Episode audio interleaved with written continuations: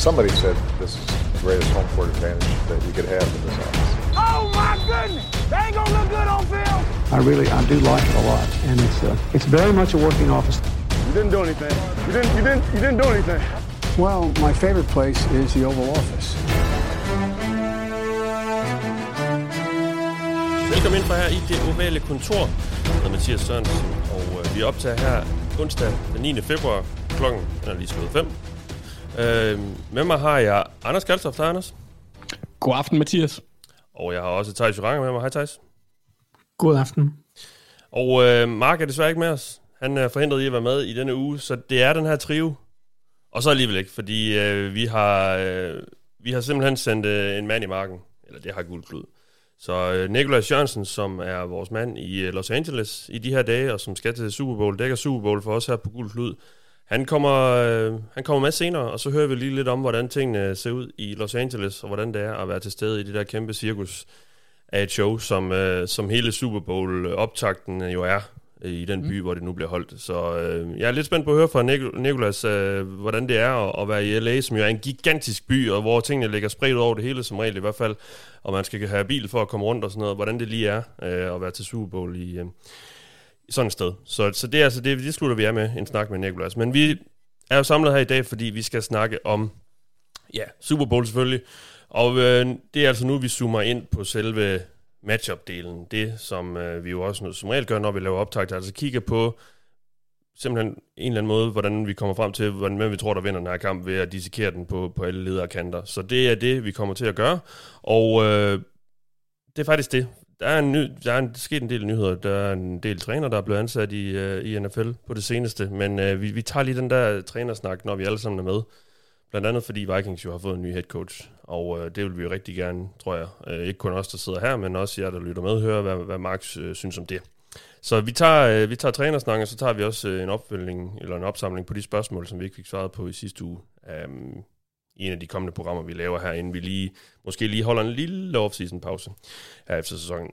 Nå, vi skal sige tak til alle jer, der støtter os på tier.dk, og det gør vi med glæde, og det gør vi hver gang, og det gør vi, fordi at øh, det er simpelthen dem, der støtter os på tier.dk, som øh, muliggør, at vi kan lave de her programmer. Og øh, så tusind tak til jer, der gør det, og I kan også gøre det her på falderæbet af, af sæsonen, øh, fordi at øh, det kommer også stadigvæk rigtig meget til gode, øh, fordi vi kommer til at lave øh, programmer over hele offseason, som vi jo altid gør. Så øh, vi, kan, vi kan sagtens bruge jeres støtte. Det koster lidt at lave det her, øh, og det kan vi altså, de omkostninger kan vi få dækket med jeres, med jeres donationer. Så øh, find os inde på 10er.dk. E og vi plejer jo at dele en kop ud hver uge, men det har vi allerede gjort i den her uge. Og øh, jeg har faktisk også i dag været ude med, med den til Rune, som vandt, da vi trak lod i mandags. Og øh, jeg var godt lige ved at gå igen, fordi øh, da jeg åbnede den, så øh, åbenbart der sig en, en Aaron Donald-trøje foran mig. Øh, så, øh, men, men jeg valgte alligevel at overdrage den, øh, den kop der, sådan så Rune han kunne nå at, at få den til på søndag, når der er Super Bowl. Nå, de her, lad os bare komme i gang med, øh, med det her matchup øh, program, som vi, som vi jo laver her, og hvor vi, vi kommer til at gøre det på flere forskellige måder. Vi har både, vi har opdelt øh, kampen øh, i, øh, i matchups, altså Ramses angreb mod Bengals' forsvar osv., og så har jeg også bedt min øh, medvært om at, at komme med et bud på, hvordan en sejr kan se ud for hvert hold. Altså hvis vi forestiller os, hver hold vinder, hvordan tror vi så kampen kan være forløbet, og vi kommer også ind på nogle, hvem der kan være joker og så videre, og hvad vi rent faktisk tror, der sker selvfølgelig. Og øh, lad os bare tage hul på det med, øh, med, en, øh, med, en vel, med en velkendt jingle, som vi jo øh, som vi, vi spiller allerede nu. Why? Selvom det er lidt tidligt i programmet. Why? Why? Why? Why? Tell me why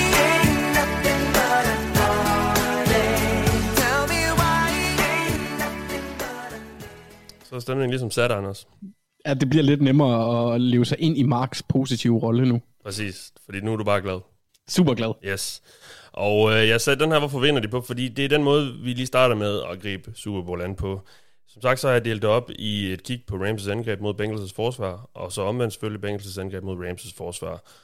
Og øh, man kan sige, Bengals' forsvar kan jo ikke vinde det her matchup, og Rams' angreb måske heller ikke som sådan vinde det, men det er altså et, øh, et forsøg på ligesom at sige, hvad er det, der taler for, at, at det her, den her enhed kan, kan, kan, kan klare det bedre end den anden, som den er op imod. Og øh, vi, vi, lad os starte med at kigge på, øh, på når Rams har bolden. Altså Rams' angreb mod Bengals' forsvar. Thijs, hvorfor øh, kommer Rams' angreb rigtig godt ud af det matchup?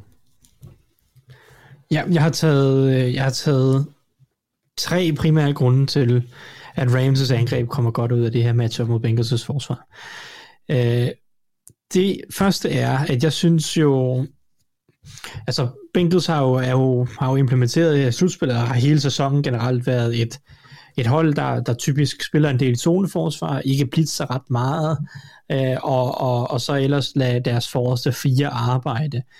Øh, det er jo en, en fin opskrift, og det er jo også på papiret en fin opskrift mod Rams øh, langt hen ad vejen. Det er i hvert fald en bedre opskrift, end at, end at blitze Rams en hel masse. Øh, Øh, men jeg synes stadig, at Rams har nogle gode ting øh, for sig i det her matchup.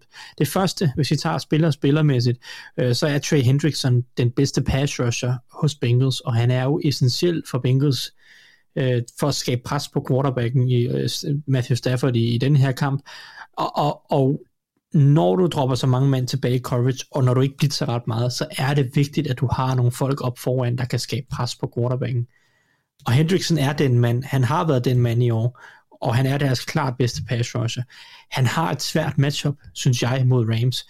Rams' bedste offensive linjemand, det er Andrew Whitworth, som jo Bengals fans kender ganske glimrende, må man sige, efter yes. mange, mange år, først i Cincinnati, og så de, sidste, de seneste år her hos, hos, øh, hos Rams. Øh, en, stadigvæk i en alder af, er han blevet 40 nu, Mathias? Er det ikke 40, han er nu? Jeg tror, han blev, var det... Ja, var det ikke sådan i efteråret? Jo, Øh, omkring 40 i hvert fald. I en alder af omkring 40 år, er han stadig en rigtig, rigtig dygtig venstre tackle. han blev 40 12. december. Lige præcis. 40-årige Andrew Whitworth er stadig en virkelig dygtig venstre tackle, og det er ham, der står over for, for Trey Hendrickson. Og, og det er en stor, stor fordel for Rams, at de kan med, med rimelig god, god ro i maven sige, okay, Hendrickson, det er usandsynligt, at han kommer til at smadre det her for os. Vi kan sætte Andrew Whitworth derud, og så har Bengals ikke så mange andre store trusler. Der er gode spillere, der er, der er solide spillere rundt omkring. DJ Reed og BJ Hill, øh, Sam Hubbard er alle sammen fornuftige spillere, men som pass rusher, der har de bare ikke den samme impact, som Trey Hendrickson har. Så det matchup, er, synes jeg er en fordel for Rams, at de har deres bedste mand til at håndtere Hendrickson. Det andet er, når Bengals spiller så meget zoneforsvar, som vi jo så, blandt andet mod, mod Chiefs, afgørende for, at de hiver den sejr hjem øh, i anden halvleg, især hvor de får lukket ned, det er bare at droppe en masse mand tilbage i coverage, og så øh, arbejde i zonerne. Øh, jeg synes, at Rams har bedre kort på hånden i forhold til at slå et zoneforsvar end Chiefs har. Jeg synes, de har bedre spillere mod zone. Øh, spillere som Cooper Cup og Odell Beckham, synes jeg er bedre end alle Chiefs' wide receiver mod zone. Altså Tyreek Hill er selvfølgelig altid en dygtig receiver, men han er allerbedst, når han kan få lov til at, at spille øh, mod man coverage og udnytte sin fart i høj grad. Øh, og der synes jeg, Cooper Cup og Odell Beckham har meget bedre forståelse for øh, at løbe ruter og finde pladsen mellem zonerne øh, og løbe og, og, og arbejde med, med god timing. Så jeg synes, at, at Rams de har nogle bedre kort på hånden i forhold til at arbejde mod zone coverage. Derudover vil jeg også sige, at de her øh, spiller i hvert fald Cooper Cup, øh, når Bengals trækker så meget tilbage, som jeg forventer, de vil gøre i coverage, så kommer der til at være yards øh, under neden og, og hente altså yards efter catchet. Øh, og Bengals er et hold, der er, er et af de hold, der tillader, eller de er top 10, hvad hedder det, i, i yards til at efter bolden er grebet. Og Cooper Cup er sammen med Jamar Chase og Debo Samuel, de tre mest effektive spillere med bolden i, eller spillere med bolden, med bolden i hånden. Det er de tre, som har været bedst, når man ser på yards øh, efter catchet over forventning, eller over hvad der var det forventede. Så der er også nogle alle mulige forskellige modeller for, når, når bolden bliver grebet, så øh, ser man på, hvor spillerne sådan ligesom er positioneret på banen, øh, og så siger man, okay, der, vi kan forvente, når han griber bolden her, så er der fem yards at hente. Cooper Cup, Jamar Chase, Debo Samuel, det er dem, der er bedst i ligaen til at få mere ud af det, end de her fem yards, der var forventet. Øh, så det synes jeg også er noget, som taler for, at, at, at, at vi har noget Cooper Cup her, som kan komme ind og gøre en, en rigtig stor forskel. Han har et godt matchup. Han er jo i forvejen en super, super dygtig wide receiver. Øhm, men han har et godt matchup her, synes jeg, mod, mod Bengals' zoneforsvar. Også et Bengals hold, der er sårbar ind over midten af banen. Vi har snakket om det øh, meget omkring, øh, hvordan de er svage mod Titans og så videre. Den Ja. sidste ting, som jeg vil påpege for Rams, det er, at vi kommer til at se to hold, som spiller, eller som på mange måder har nogle af de samme tendenser med, hvordan de sender spillere på banen. Øh, både Rams og Bengals, øh, eller det er de to førende hold i empty sets og 11 personnel. Det vil sige empty sets, det er, hvor der er ingen running backs ved siden af quarterbacken. Quarterbacken står helt alene tilbage i lommen. Der er ikke nogen running backs, der er ikke nogen tight ends øh, eller fullbacks eller noget som helst i beskyttelse bag, øh, bag ham. Der er bare fem receiver ude øh, eller tight ends, eller running backs for den skyld, men, men alle sammen væk fra quarterbacken. Og så 11 personnel, øh, tre receiver, en tight end, en, øh, en running back på banen. Det er de to hold i ligaen, der spiller mest øh, af de her to øh, sådan, personelle øh, øh, grupper. Det er Rams og, og Bengals. Rams er det hold i ligaen, der bruger mest empty overhovedet. Og, og, og jeg tror, at procenten er omkring 18 procent af deres spil bruger de det på. Det tror jeg kommer til at være et våben mod, øh, mod Bengals. Bengals er det 30. dårligste hold. Jeg tror, det 30. bedste. Det tredje dårligste, må det være. Øh, til at forsvare sig mod empty i år. Og, og det, for mig at se, der, der, der handler det lidt om, at, at når du får spredt Bengals' forsvar en lille smule ud, så er der nogle typer, man kan angribe, øh, fordi du får måske arbejdet lidt mere horisontalt, og der er stadig nogle, nogle ting omkring i midten af Bengals' forsvar, hvor du kan angribe det, når du spreder det ud på den måde. Øh, og, og det tror jeg kommer til at være et våben for Rams, fordi de er dygtige, de er dygtige og bruger MT meget, og Bengals har ikke været gode til at forsvare det i år. Så altså mine tre ting, det er Andrew Whitworth, øh, gode øh, zone specialister i Cooper Cup, Odell Beckham, øh, Tyler Higby, hvis han spiller, øh, og så det her øh, Ramses øh, brug af empty Ja. formationer. Ja. Jeg sad lige, øh, apropos øh, Whitworth og, og Hendrickson der. Øh, for, forleden der hørte jeg en podcast, hvor de sagde, at øh, Whitworth, sådan, en af hans dårligste præstationer som Rams-spiller, det var mod, øh, mod Saints i 2018, øhm, hvor Hendrickson stod over for ham, og han tillod øh, fem pressures og, og så videre, men, og de sagde, at det var en af hans, øh, det var hans tredje dårligste pass block rate eller sådan noget, men nu sidder jeg lige og kigger på det, og det, det, det kan jeg ikke lige få helt til at gå op, men de snakker i hvert fald om, at, at Hendrickson øh, havde, øh, havde været rigtig god mod ham, den ene gang, de havde mødtes før, og, og Hendrickson er blevet bedre siden, da Whitworth er blevet lidt ældre, så ja, men, øh, men jeg synes ikke lige tallene sådan Jo, jo, lige- altså det, det er da også bestemt muligt, at Hendrickson kan vinde det her matchup, Ja, ja. men hvis jeg var Rams, så er jeg meget mere tryg ved, at det er Whitworth end, end Rob Havenstein, Ja, ja, der, ja. der står over for ham. Ja, ikke? klart, Og det er klart. ligesom, at, det er en fordel at have sin bedste mand på Ja. ja. Bengals' bedste mand, uden, uh, uden tvivl. Ja, ja, ja. Yes. Nå, jamen, uh, tak for det, Thijs. Uh, Anders, så, så skal vi jo lige over på den anden side af bolden. Uh, Bengals' forsvar, hvorfor øh, kommer de godt ud af det, af det her matchup med det her angreb? Jamen altså, jeg kommer egentlig til at stjæle lidt en pointe, jeg også har fra for, for, på angrebet øh, for Bengals, som jeg skal snakke om lidt senere. Øh, fordi Bengals er en underlig type. Øh, på papiret burde det ikke være et hold, der er i Super Bowl. Øh, når man ser på, hvordan de har spillet sæsonen igennem. Øh, de er ikke super gode på nogle punkter. Altså, de er mm, altså, solide i, i stats-wise øh, i DVOA og lignende. Men, øh, Er det kun forsvaret, to- eller, eller hvad? Ja, lige her Ja. er, er det det, der er fokus. Ja. Øh, angrebet har heller ikke været voldsomt, øh, men det er der jo grunden til. Altså, I, uh, undskyld, jeg lige afbryder, eller, men, men, men de startede sådan set året ret, ret godt ud med, med at ligge i, i forskellige... De var et top 10 forsvar. Sådan, Ja, ja, og så er de, så er de fladet lidt mere ud, men Ja. det er også mere, mere, det er en gruppering, altså det er en gruppe, det er en enhed, det er ikke øh, ligesom Rams, hvor det mere er stjerner, Absolut, der, nej, der, ja. der har hovedfokus. Klart. Der er ikke rigtig nogen, og det, det passer ikke, der er Jesse Bates, men ellers så er der ikke rigtig nogen elite-spillere, om man vil. Hendrickson. Øh, jeg vil ikke kalde ham elite. Okay. Jeg vil kalde ham rigtig, rigtig god. Den spiller i år med højeste pass rush productivity. Jeg, jeg vil stadigvæk ikke kalde ham elite. Der, der mangler lige lidt, der mangler lige lidt, uh, lidt tid. Det kan godt være, hvis han spiller på samme måde næste år, så har han tre sæsoner i streg, hvor han har været sådan rimelig produktiv. Det, det, vil, det vil jeg godtage. Men Okay, ja. det, i, i og for sig, han er rigtig, rigtig, rigtig, rigtig, rigtig, rigtig, rigtig god. Ja. Men han er ikke, øh, han er ikke sådan ligesom Von Miller, når han er bedst. Sådan, det, der er Nej, nej. alligevel et, Ej, men jeg er ikke klar til at sende ham i Hall of Fame, han har været god i år. Og så forsvandt han. Åh, undskyld.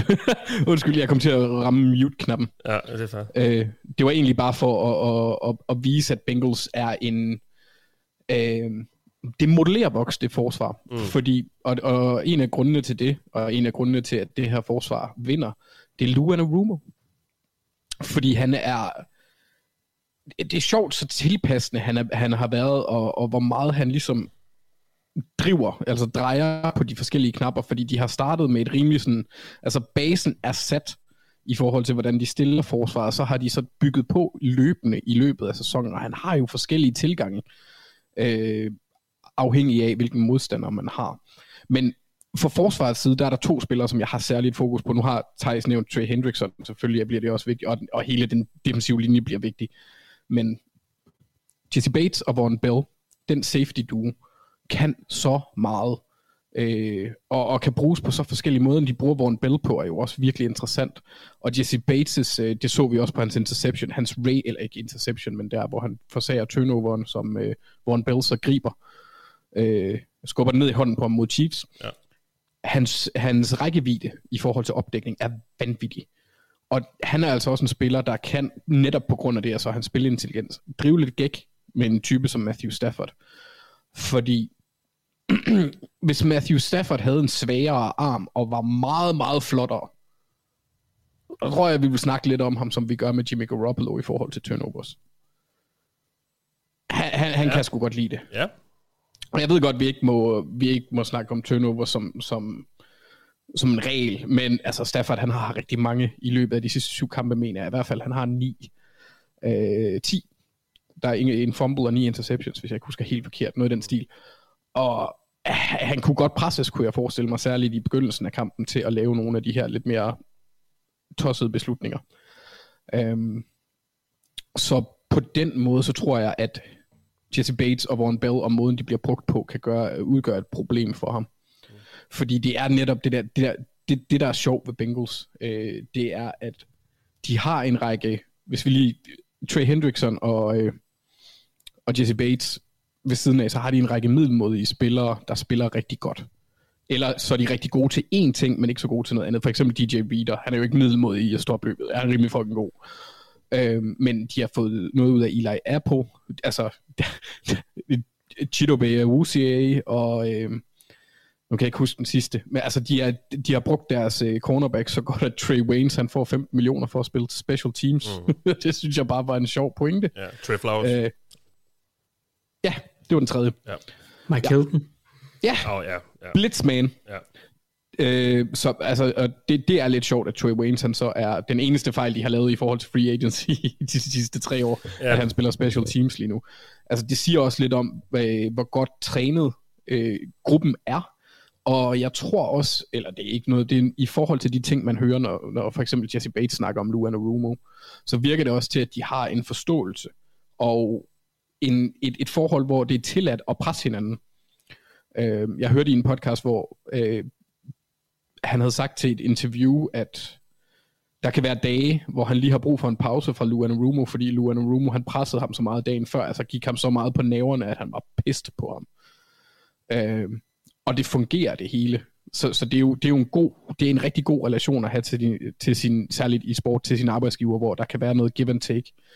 Og det er egentlig også lidt, og jeg hader, at det bliver så blødt, men det er også en af de ting, der er ved Bengals generelt som hold lige nu. Det virker som et hold, der har en selvtillid, der gør, at de bare tror mere på dem selv. Altså, de tror på, at tingene kan lade sig gøre. Mm.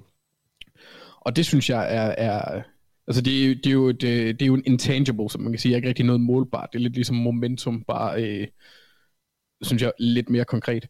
Uh, så det, jeg tror, det kan have en effekt. Mm. Bengals har, og det gælder både på forsvaret, men det er, jo- det er jo noget, der stammer fra Joe Burrow, tror jeg. Den der, den der ubendelige tro på, at du kan vinde uanset hvad. Og, og på forsvaret, der synes jeg, det viser sig ved deres evne til at få turnovers på øh, nærmest alle tidspunkter. Ja. Øh, de, de tror på det, og de går efter det. Så, altså Bengals, de vinder, fordi deres gode spillere overpræsterer en smule. Og, øh, og fordi de får lavet turnovers. Jeg tror, Bengals kommer til at give, øh, opgive rigtig mange yards. Det har de gjort indtil videre. Jeg mener, det er 1000 yards mere, de har opgivet, end, end de andre tre hold, der var i AFC Championship, eller i Championship-kampene. Noget i den stil. Men det, de har i hvert fald opgivet rigtig meget. Det tror jeg også, vi kommer til at se her. Så jeg tror, det bliver en kamp, hvis Bengals de skal vinde, særligt på forsvar, så handler det om turnovers. Og der er Stafford øh, rimelig habil. Så det er ikke et usandsynligt scenarie for Bengals forsvar at kunne øh, forsage et par stykker. Nej, og som også siger, der, der, jeg tilladt rigtig mange yards om, men det virker som om, at de er sådan rigtig gode øh, til det her situational. Altså, når, når, det, når det gælder, ja. så, så, er de, så er de gode. Øh, Bend don't break-agtige, men, øh, og, og de har virkelig lavet nogle store spil på nogle rigtig vigtige tidspunkter i år. Øhm, og i slutspillet har det også været lidt tilfældigheder, altså, men, men, men igen, altså, det sker jo ikke, hvis man ikke opsøger det på en eller anden måde. Det, øhm, og apropos Warren Bell, nu, nu var jeg lige at tjekke hans, øh, hans snap count, altså, fordi du, du nævner også ham som den her, han er sådan lidt en svejsekniv, han bliver, han bliver flyttet meget mm. rundt og, og, og brugt på mange forskellige måder. Uh, han, har, uh, han har 865 uh, snaps på forsvaret i år, og det er så inklusiv i slutspillet. Og han har, uh, han har øh, mindst 200, eller på, på tre forskellige positioner. Altså han har 262 som free safety, to mm-hmm. snaps, øh, 199 snaps som slot cornerback, og 290 snaps, hvor han står i boksen, altså nærmest som en linebacker.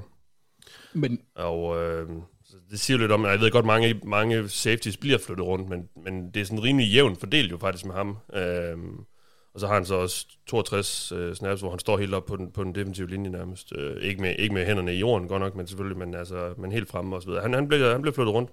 Og også en skakbrik, der kan bruges til at signalere noget andet, for han har jo Ja. ja. også, han er også atletisk nok til at kunne starte op ved, ved D-line eller op i boksen, og så Ja. ja. øh, tons nedad i forhold til, øh, når de kommer Ja. ja. tættere på snappet, for at give et andet billede post-snap. Ja. Ja. Så, og, og der er de to, både ham og Bates, øh, virkelig altid i forhold til, hvordan de kan Mm. anvendes. Jeg er ret interesseret i at se, hvordan de, de kommer til at gøre det, fordi nu, nu så vi jo mod, mod Chiefs her i, der i anden halvleg, hvor de virkelig ramte et eller andet. Altså det var bare, okay, vi sender tre, og så har vi otte i opdækning. Uh, mm. så, så du kan ikke finde, der er ikke nogen huller uh, ned, ned ad banen, uh, du kan kaste i nærmest. Altså om, om de vil gøre det samme, fordi Rams er jo, Rams er slet ikke lige så eksplosive, men, men der er jo nogle ret store våben, uh, så selvfølgelig især i Cooper Cup og Odell Beckham uh, Jr. Altså, så jeg er lidt spændt på at se, om de vil være lige så, um, hvad skal man sige, tilbageholdende. Og de, de er jo ikke et hold, der blitzer ret meget heller, så, så det bliver sådan noget med, jeg tror, at Stafford virkelig skal skal snyde Bengals' forsvar. Altså, det skal være ham, der ligesom snyder dem, tror jeg. Og, og, og jeg tror godt, der kan komme nogle, nogle stripser der. Jeg vil også sige, en af de ting, som de gjorde mod Mahomes i... Øh, altså, han løber lidt mere udvendigt, når det er sådan, han prøver at stikke af. Der tror jeg, sta- der, der vil det indvendige pres være noget mere vigtigt i forhold til Stafford, Ja. ja. fordi han, han manøvrerer lidt ligesom Joe Burrow, bare ikke lige så atletisk på nogen måde, men inde i, uh, inde i lommen. Burrow, han kan trods alt løbe lidt. Det, det, det, ja, jo, det kan Stafford også, men det er ikke... Altså, han er sådan, han er sådan en blanding mellem... Phil, han, han er en meget viril Philip Rivers. Okay. Han er en meget livlig... ja, okay.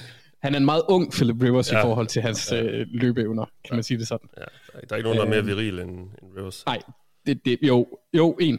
Øh, Ryan Fitzpatrick, han har vist... Nej, han har ikke flere børn, han har vist kun syv. Antonio, Antonio Cromartie, havde han ikke, han ikke også 9 eller sådan noget, eller 10? Jo, jo, han har sikkert 14 eller 15, Ja, som han er. Altså, nogen, der er også nogen, han ikke kender garanteret. Ja, ja. han havde fandme mange børn. Ja. Med 12 forskellige øh, kvinder. Nå, lad os, øh, lad os lave en...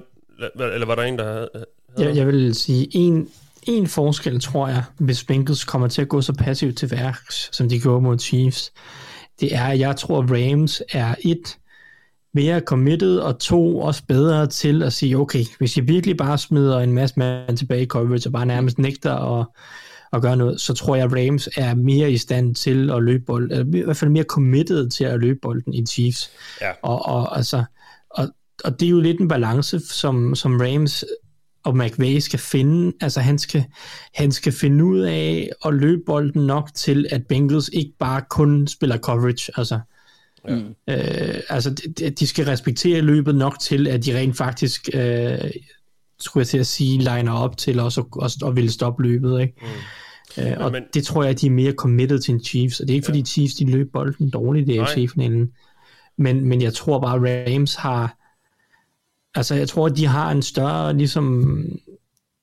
jeg, jeg tror, McVay har flere kort på hånden, hvis han vil at sige, okay, altså Bengals, de, de, de stiller sig bare tilbage, spiller to dybe safeties og, og, og super let, øh, hvad hedder det, personnel øh, med, med få linebackers, hvad ved jeg, øh, så, så kan vi godt, øh, så spiller vi Ben Skowronek en, uh, Skowronek en lille smule mere som, som wide receiver, og så lader vi ham lege blokerende wide receiver, mm.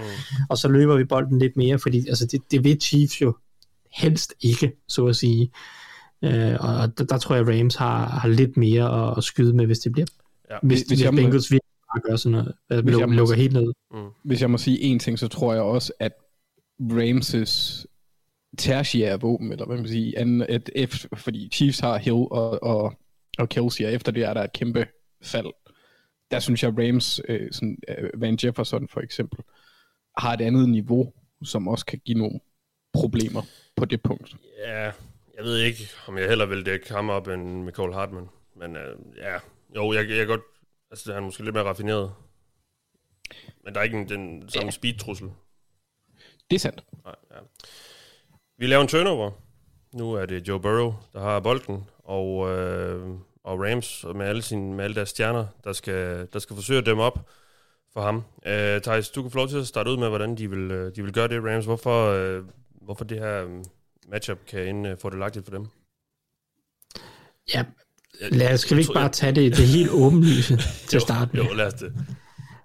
Det er, altså, det er det største mismatch i kampen overhovedet. Det er Bengals dårlige offensive linje mod Ramses øh, super gode pass rush. Det, det, er, det er her, at, at kampen står og falder for, for Bengals' angreb langt hen ad vejen. Altså, de bliver nødt til at være totally op foran mod Aaron Donald, Von Miller, Leonard Floyd, Greg Gaines, Ashawn Robinson. Især de to første, øh, Donald og, og Miller, er jo superstjerner, der har nogle uhyggeligt gode matchups mod Bengals' dårlige offensiv linje.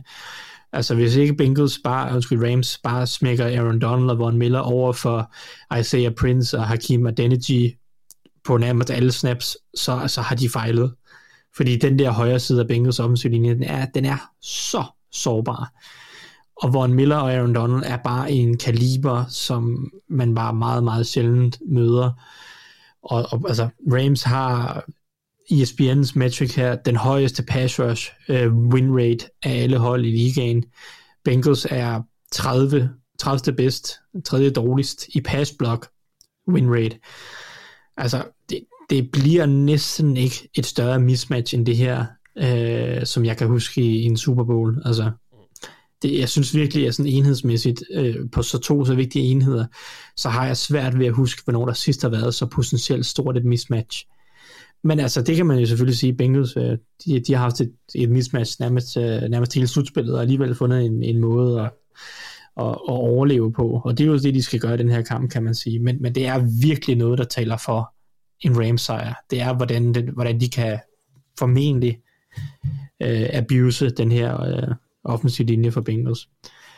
Den anden ting, som øh, den helt store ting, jeg vil holde øje med, og som jeg synes er en stor fordel for Rams, det er, det er det her matchup mellem Jalen Ramsey og Jamar Chase. Jeg siger ikke, at- Jalen Ramsey øh, vinder det her, men som udgangspunkt, så, øh, så, kan, så kan man bare gøre meget mere mod Jamar Chase med Jalen Ramsey ved roret.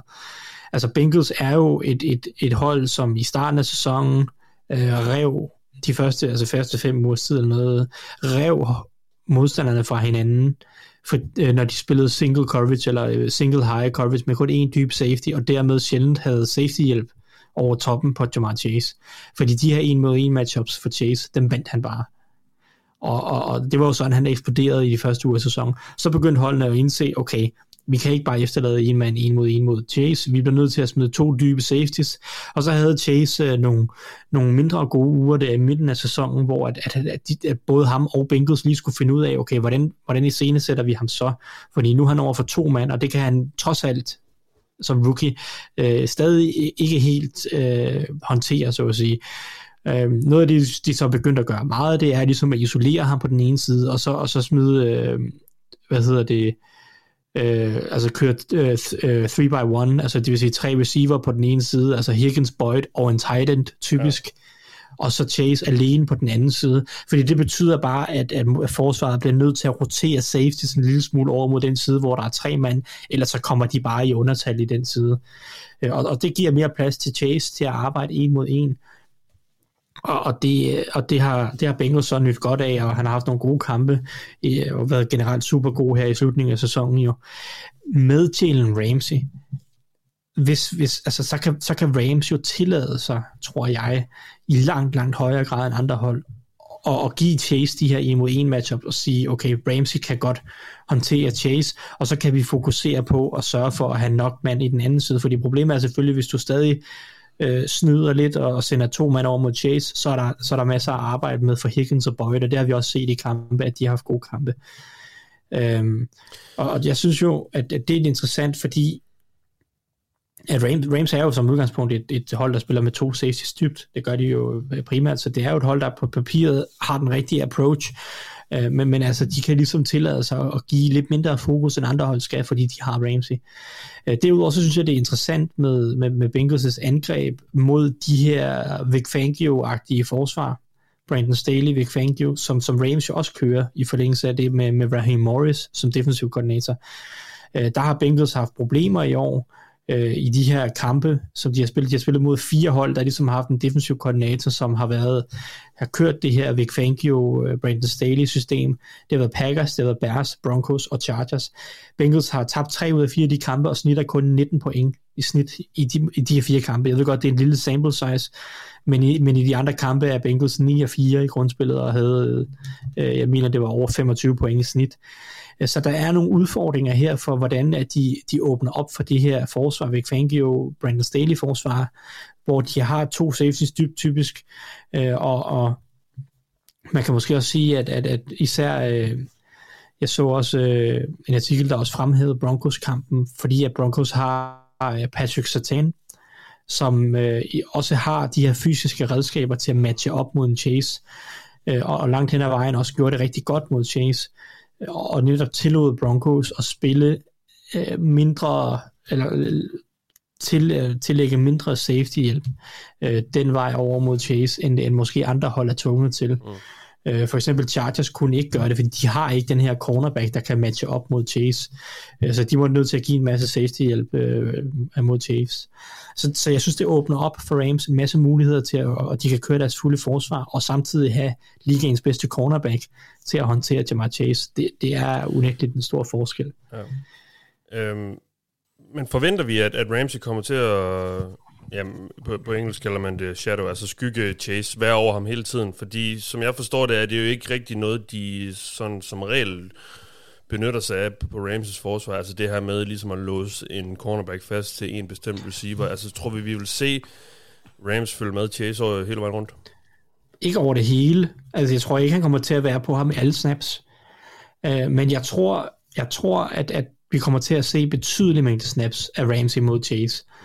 Øh, det er klart, at, at hvad hedder det, Rams vil kalde nogle coverages, hvor at de føler, at uanset hvad der ligesom sker, så har de to mand på, på Chase, uanset om han liner op den ene eller den anden side, eller i slotten, eller så videre, så vil de have to mand på ham, og der vil også være situationer, hvor Bengals kommer ud i en formation, hvor at Ramsey starter som udgangspunkt med ham, men at de må lave nogle skift, fordi rutekombinationerne er sådan, at Ramsey må give ham videre til en eller to andre forsvarsspillere.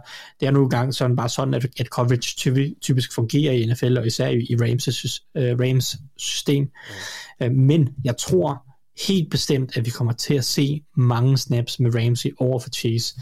Uh, jeg tror helt bestemt, at, at Rams vil bruge, altså lige så straks, at Rams gerne vil kalde noget single high coverage i en eller anden forstand, hvor de kun har en dyb safety, øh, og der dermed ikke nødvendigvis er lige så meget hjælp til en cornerback, så er jeg helt sikker på, at lige så straks de kan vælge, så er Rams på Chase hver gang. Mm. Øh, så, så er der Ramsey øh, på Chase øh, hver gang. Så, så jeg tror, vi kommer til at se det her matchup meget. Ikke på alle snaps selvfølgelig, og, og det bliver også Bengals' opgave at få Chase ud af det her matchup. Øh, og, og det vil de jo selvfølgelig øh, lykkes med nogle gange, øh, men jeg tror, vi kommer til at se det meget, og jeg tror, det kommer til at blive et altafgørende matchup. Ja. Og så er jeg lidt spændt på, fordi det her, det bliver Jamar Chases sværeste øh, matchup hele sæsonen. Altså, der er ikke rigtig bedre corner, cornerbacks at stå for end, end Jalen Ramsey, og, og han er jo en notorisk øh, uh, trash-talker, Ramsey. Jeg er spændt på at se, om han kan komme ind i hovedet på, på Chase, og, og det, det, det, der kan måske godt blive noget der tidligt i kampen med, uh, hvis, hvis der ryger et par bolde mod Chase, og han, øh, han, han er dækket op, eller, eller, eller han omvendt laver nogle spil på dem øh, og får nogle yards, hvordan det så sådan ligesom kan, kan arte sig, det, det glæder jeg mig lidt til at se. Det er sådan, det, jeg synes, det er ret fedt uh, matchup i, i kampen. Um, Det kommer til at diktere sindssygt meget. Altså, Ja. Fordi kan, kan Bengals tvinge Rams til, og, og, og der skal safety hjælp til, selvom det er Jamar Chase, eller undskyld, selvom det er Jalen Ramsey på, på, på Chase, altså, så vil det jo også ændre hele Rams' gameplan på forsvaret, hvad de kan, hvad, hvor mange muligheder de har. Øh, og omvendt selvfølgelig, at de kan blive mere og mere modige med deres coverages, hvis det virker som om Rams, Ramsey bare har styr på dem. Ja. Altså, det kommer til at, det, det, altså, for mig er det nøgleopgøret, eller matchuppet i kampen. Der, der findes ikke et vigtigere matchup i den her kamp, tror jeg. nej. Jamen, så lad os øh, høre om, øh, om Joe Burr, Anders. Vi skal høre lidt om, øh, om Bengals' angreb. Jeg fandt Joe. Shiesty. Joe Shiesty. Jeg fandt faktisk ud af i går, at øh, Joe Burrow og Andrew Whitworth er blevet, blev ret gode venner sidste år, fordi Burrow, han, øh, han, øh, han øh, hvad hedder sådan noget, genoptrænede sit knæ i, øh, i LA, hvor Whitworth øh, også var, var skadet øh, under sidste sæson, der i slutningen af sidste sæson.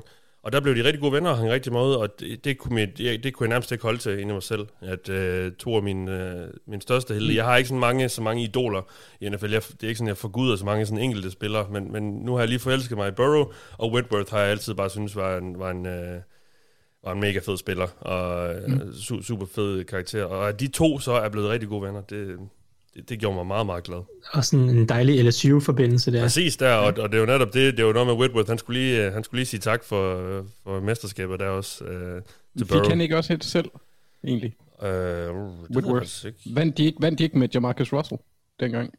Jo, det kan det måske egentlig godt være. Med, var det året efter? Ja, det var Les Miles', tror jeg. Nå, i either way. Ved du, Ja. hvem uh, Whitworth også er gode venner med? Øh, nej, men han er så gode Jared- venner med alle, Jared- fordi han virker som en rar fyr. Jared Goff. Ja, så blev jeg ked af det igen. Ja, ja, det var det. Øh, du sagde, det, var det, det er derfor, jeg er her, Mathias. Nu, Ja. ja. nu, er jeg, nu er jeg tilbage til min del, og ikke Marks del, så derfor Nej, ja. på det. Ja. Nå, men lad os høre, hvorfor Bengals' angreb øh, står godt til det her forsvar. Jamen altså, som jeg nævnte før, så synes jeg, Bengals er en sjov størrelse, fordi Burrow, han er selvfølgelig herlig. Men angrebet har så nemt, de har jo ikke været vanvittigt sådan kontinuerligt. De kan virkelig ramme høje niveauer. Men det har været sådan mere en, øh, en, en, en helt støbt indsats, kan man sige, med special teams forsvar angreb, der har gjort, at de har vundet. Øh, og så at bolden, som du også selv har sagt, er hoppet Bengals vej på forsvaret, det hjælper også. Øh, og så til sidst, profiler på angrebet. Så derfor har jeg fire navne, og jeg ved godt, at jeg måske kommer til at blande de ting, du har bedt os om, en lille bitte smule sammen. Mm. Men Mathias, som den uendeligt vise Action Bronson engang har sagt, så er jeg ikke flawless, but I'm gorgeous like a horse is. Yes. Yes. Så det er bare de fire spillere på angrebet, der har mulighed for at blive vildt vigtige, og som på papiret er bedre end deres modstandere, hvis vi lige ser bort fra Jalen Ramsey. Øh, den ene, det er selvfølgelig Joe Burrow, og så er det de andre tre, det er receiverne, Chase, T og Tyler. Øh, Boyd og Higgins og Jamar, hvis man skal fuck det helt op. For det vil overraske mig enormt, hvis det her det bliver kampen, hvor Zach Taylors tendens til at løbe på bolden på første down bliver kampafgørende i den positive ende. Dertil tror jeg simpelthen, Rams er for gode, eller synes jeg, de er for gode mod løbet, og Bengals O-line for dårlig. Og netop sidstnævnte får sig en oplevelse, som Thijs også nævnte, altså de står over for Aaron Donald, øh, Leonard Floyd, Greg Gaines og Von Miller. Øh, den gruppe er niveauer over Bengals O-line. Og derfor er der endnu mere pres på Joe Burrow for at spille Joe Burrowsk at finde en af de tre øh, wide receivers. Og det bliver enormt spændende øh, at se øh, Rams' gameplan øh, for receivers. For som Thijs nævnte, hvis, de sætter Jam- hvis, hvis vi kan forvente, som Thijs siger, at Ramsey han sidder på Chase ret meget, hvilket jeg også selv forventer, så kan en af de andre to få sig en ordentlig kamp, som vi egentlig også så med T. Higgins mod Chiefs. Og jeg kunne nemlig snilt se det her være en Tyler Boyd-kamp. Fordi hvis Ramsey han ryger på Chase, så forventer jeg et double team på Higgins med en safety og Darius Williams eventuelt. Og så skal Boyd ind og lege med Ramses tredje corner. Og det er øjensynligt øh, David Long, nu er jeg ikke helt sikker på, hvem det er, der, der, der kører nickel. Men han er en af dem. eller deres linebackers. Og det bliver et matchup, som er til Bengals fordel. For Rams, Ramses linebacker kan udnyttes særligt i opdækningen. Og generelt kan, kan Bengals egentlig drage fordel, øh, tror jeg, af, af ruter, hurtige ruter, vel at mærke, altså, hvor at, at der er et, et lille element af, af, af at prøve at snøre sådan en choice-rute, for eksempel, hvis øh, matchuppet er mod en linebacker. Eller at, øh, som Thijs nævnte, at de, øh, hvad hedder det, giver, giver øh, ansvaret videre, altså passer, coverage, videre i løbet i forhold til, hvordan de dækker op, øh, så kan det også godt udnyttes.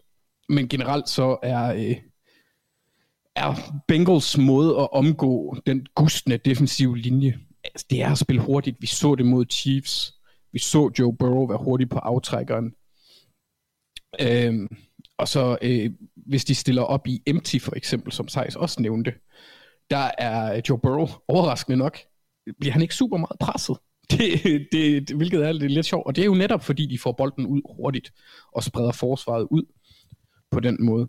Og det tror jeg også er en måde, Bengals de kan øh, vælge at angribe øh, for- øh, Ramses forsvar på, for jeg spreder den lidt mere ud. Fordi når vi kommer ned til de sekundære spillere, særligt i, i, i bagkæden, så har Bengals den klare fordel, øh, vil jeg mene. Og så synes jeg også, det, nu har jeg sagt, at Zach Taylors tendens til at løbe bolden på første down kan blive kampafgørende. Så hørte jeg så en, øh, en podcast med Ben Baby, der dækker øh, Bengals for, øh, for ESPN og ja. har verdens bedste navn nogensinde. Ja. Øh, og så er han inder, hvilket gør det endnu bedre. Ja. Sådan, det, det, ja, eller øh, amerikansk inder. inder ind, ja. Amerikaner med indi, af indisk afstamning. Ja, det sådan, det ja, hedder? ja, jeg ved ikke, Ja. hvor... Ja. Nej, han er amerikaner. Men øh, han hedder Ben Baby. Han nævnte nemlig, at øh, det med at løbe bolden også var en måde øh, at afbløde pass rushet lidt på, selvom man ikke er effektiv. Altså, Ja. øh, Ja. så, så der kan godt være et positivt aspekt i det, øh, hvor jeg egentlig, når jeg ser det, bare sidder og bliver frustreret. Men der er jo folk, der er klogere end mig, der kan se nogle andre ting. Mm. Øh, så det kan jo også godt være, at det bliver en, en eventuel måde at gøre det på. Men umiddelbart vil jeg sige hurtigt kastespil. Og at de tre receivers vinder deres one-on-one matchups. Jeg kunne egentlig også godt se, nu er jeg ikke så meget inde i Jamar Chases psyke, men han virker, virker rimelig chill, sådan type, Ja. afslappet Ja. i forhold til det. Jeg tror godt, at han kunne komme ind i Ramseys hoved. ja. Fordi hvis han vinder sine matchups, og Ramsey ikke gør, altså hvis han vinder mere, så hvis, hvis han vinder nogle stykker i, i streg, og Ramsey ikke føler, at han er på toppen, så kunne jeg godt se ham gå hen og blive en smule frustreret. Mm. Øhm, så på den måde, ja. så tror jeg, jeg, jeg, jeg siger, at Ramsey, og det er bare min egen sådan, lomme psykologi øh, analyse. Jeg ser ham som mere tilbøjelig til at miste hovedet, end Chase gør. Og det baserer jeg på meget, meget lidt evidens. Men i forhold til, hvordan de ligesom agerer, og, og hvor udadreagerende de er, der er Ramsey lidt mere... Øh, der tror jeg, at Jamar Chase han er lidt mere indvendig reagerende, og Ramsey han, Ja. ja. han lader det skulle komme ud. Øhm, så det, det, den kunne jeg også godt se. Ja. Og så vil jeg også lige sige en ting. Rams havde altså svært ved at slå Ravens. De er til at tale med.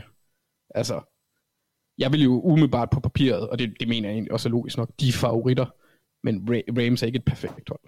De kan også godt have skåret kampe, og Ja. de kan også godt spille dårligt mod nedmodige hold, eller gode hold. Altså, hvis Ravens, de kan, de kan presse dem, det var for en kamp, de burde have tabt Rams for at være helt ærlig, så kan Bengals også. For Bengals er bedre end Ravens. Meget bedre i år. Jamen altså, Bengals har været underdog de sidste to uger.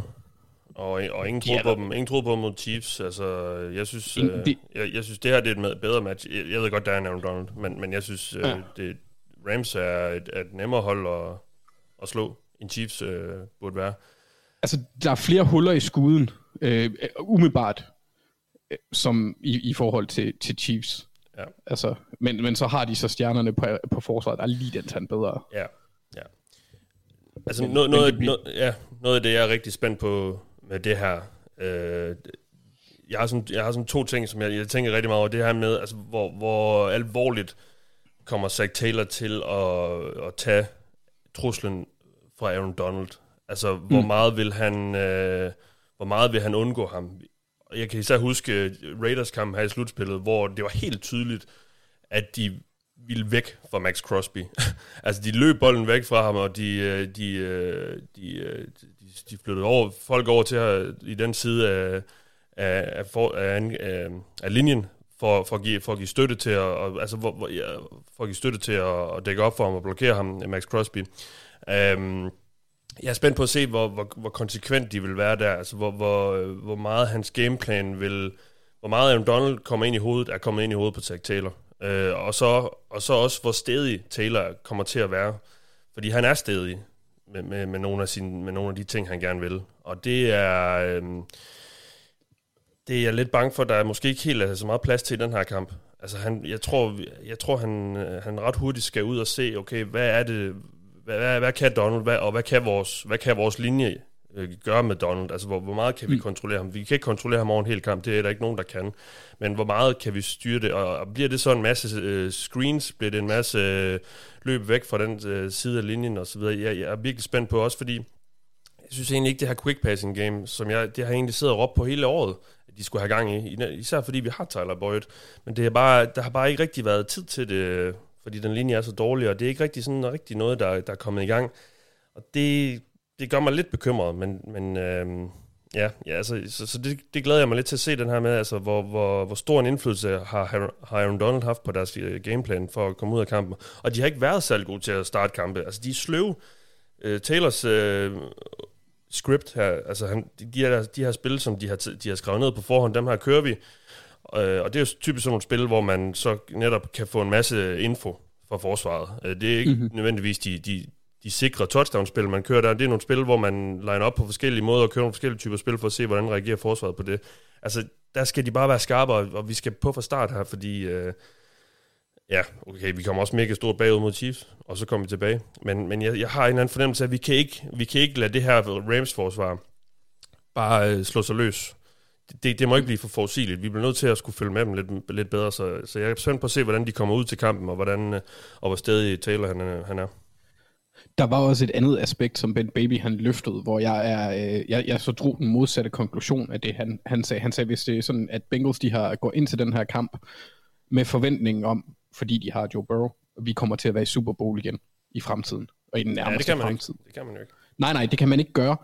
Men der, der sagde han, at hvis de havde den tilgang, så ville de måske øh, spille lidt mindre frit. Men hvis det var sådan, at de så det som, okay, vi burde ikke være her lige nu. Det var ikke året, hvor vi skulle være i Super Bowl, men vi er her. Lad os, lad os bare spille frit. Mm.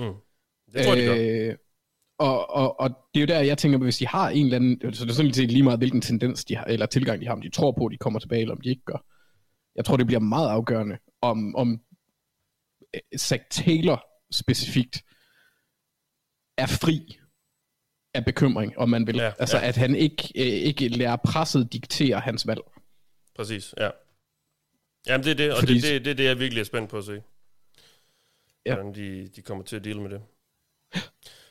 Nå, jamen, øh, det var øh, det var en første udgave af, øhm, af vores, vores, vores måde her at, at se, se det her matchup an på. Nu, nu tager vi lige en lidt anden tilgang. Why? Why? Why? Why? Why? Why? Tell me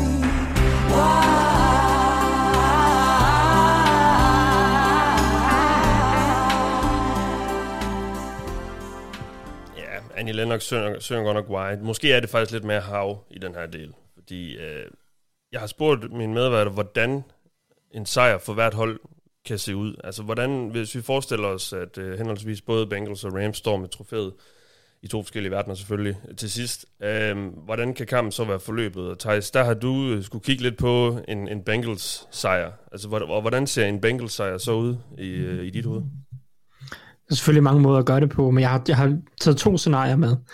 Øh, det jeg kalder sådan, det, det, det jeg synes er det mest sandsynlige, og så det som virkelig vil være fun.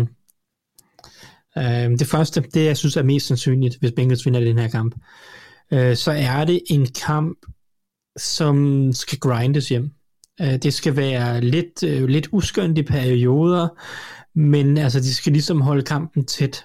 Øh, og, og det, det gør ikke noget, at der ikke bliver scoret så mange point i, i en Bengals sejr, tror jeg. Jeg tror, hvis det ender i, i sådan et offensivt festfyrværkeri, så er der kun én måde, Bengals vinder på. Jeg ser flere måder, øh, hvorpå Bengals vinder, hvis at kampen bliver lidt mere øh, på forsvarets eller forsvarernes øh, betingelser langt hen ad vejen. Øh, fordi at det vil tillade dem, hvis, at, hvis de har nogenlunde styr på Ramses øh, angreb, så at sige, at de kan begrænse Cooper Cup og måske lave de her en-to store spil, der er brug for, så kan de nemmere overleve på angrebet, fordi så tillader det netop, at de kan løbe bolden lidt, at de kan kaste bolden kort, og de behøver ikke at være så eksplosivt. Fordi jeg tror, at Bengals får problemer, hvis det skal være eksplosivt langt hen ad vejen, øh, fordi øh, de har ikke en offensiv linje til at lave, droppe tilbage og kaste bolden en masse gange. Så for mig at se, der er det mest sandsynligt, at, at de formår at begrænse Cooper Cup, holde tingene foran sig igen på forsvaret, tvinge Rams til at have lange drives, hvor de formentlig bliver nødt til at måske sætte øh, øh nøjes med field goals en, en del gange, øh, og, og, så, øh, og så arbejde med det, fordi at, at så skal de have gang i løbespillet og nogle korte kast, og jeg tror, jeg tror, hvis Bengals vinder, så er det Tyler Boyd, der har haft en stor dag. Jeg tror, han kommer til at få en meget afgørende rolle øh, for, for Bengals. Så han er en nøglespiller, øh, fordi at, at han er så stor en del af det her quick passing, og evnen til at arbejde hen over midten omkring Troy Reader, som har nogle svagheder i coverage, og, og, og så, øh, hvad hedder det, med, med de korte kast. Og så selvfølgelig forsvarsmæssigt, så vil jeg jo prøve at lokke Sean McVay til at løbe bolden så meget som muligt. Nu sagde jeg, at Rams er bedre til at løbe bolden, end, eller måske bedre til at komme ind til det, end Chiefs er. Men jeg tror stadig, det er en god vej for Bengals at holde det her lavt scorende og prøve at, at løbe bolden så meget på begge sider af bolden. Fordi jeg tror, at, at, at Joe Burrow, hvis man står, og den står 20-20, og der er 6 minutter igen, så stoler jeg mere på, at Joe Burrow laver det store spil, eller måske endda også bare undgår fejlen, end, end Matthew Stafford, fordi hvis det bliver sådan en tæt kamp, hvor det, det er lidt svært og sådan noget, så bliver de her 1-2 store spil, eller turnovers, bare endnu mere afgørende. Og der synes jeg bare, at Rams har måske ikke været det hold i år, som har været så gode til at undgå de her store fejl.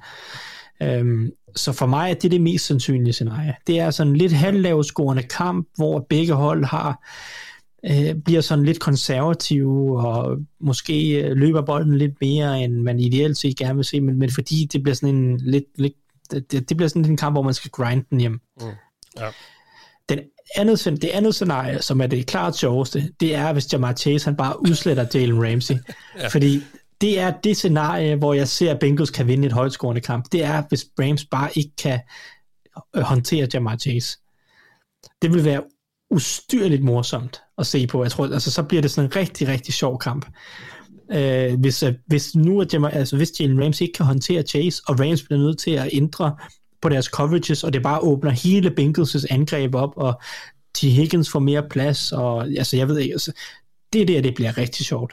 Altså, fordi så kan ja. de smide 40 point på brættet, og, og, og så, så ved jeg ikke, hvad der kan ske. Så bliver det jo op til Rams at, at matche det.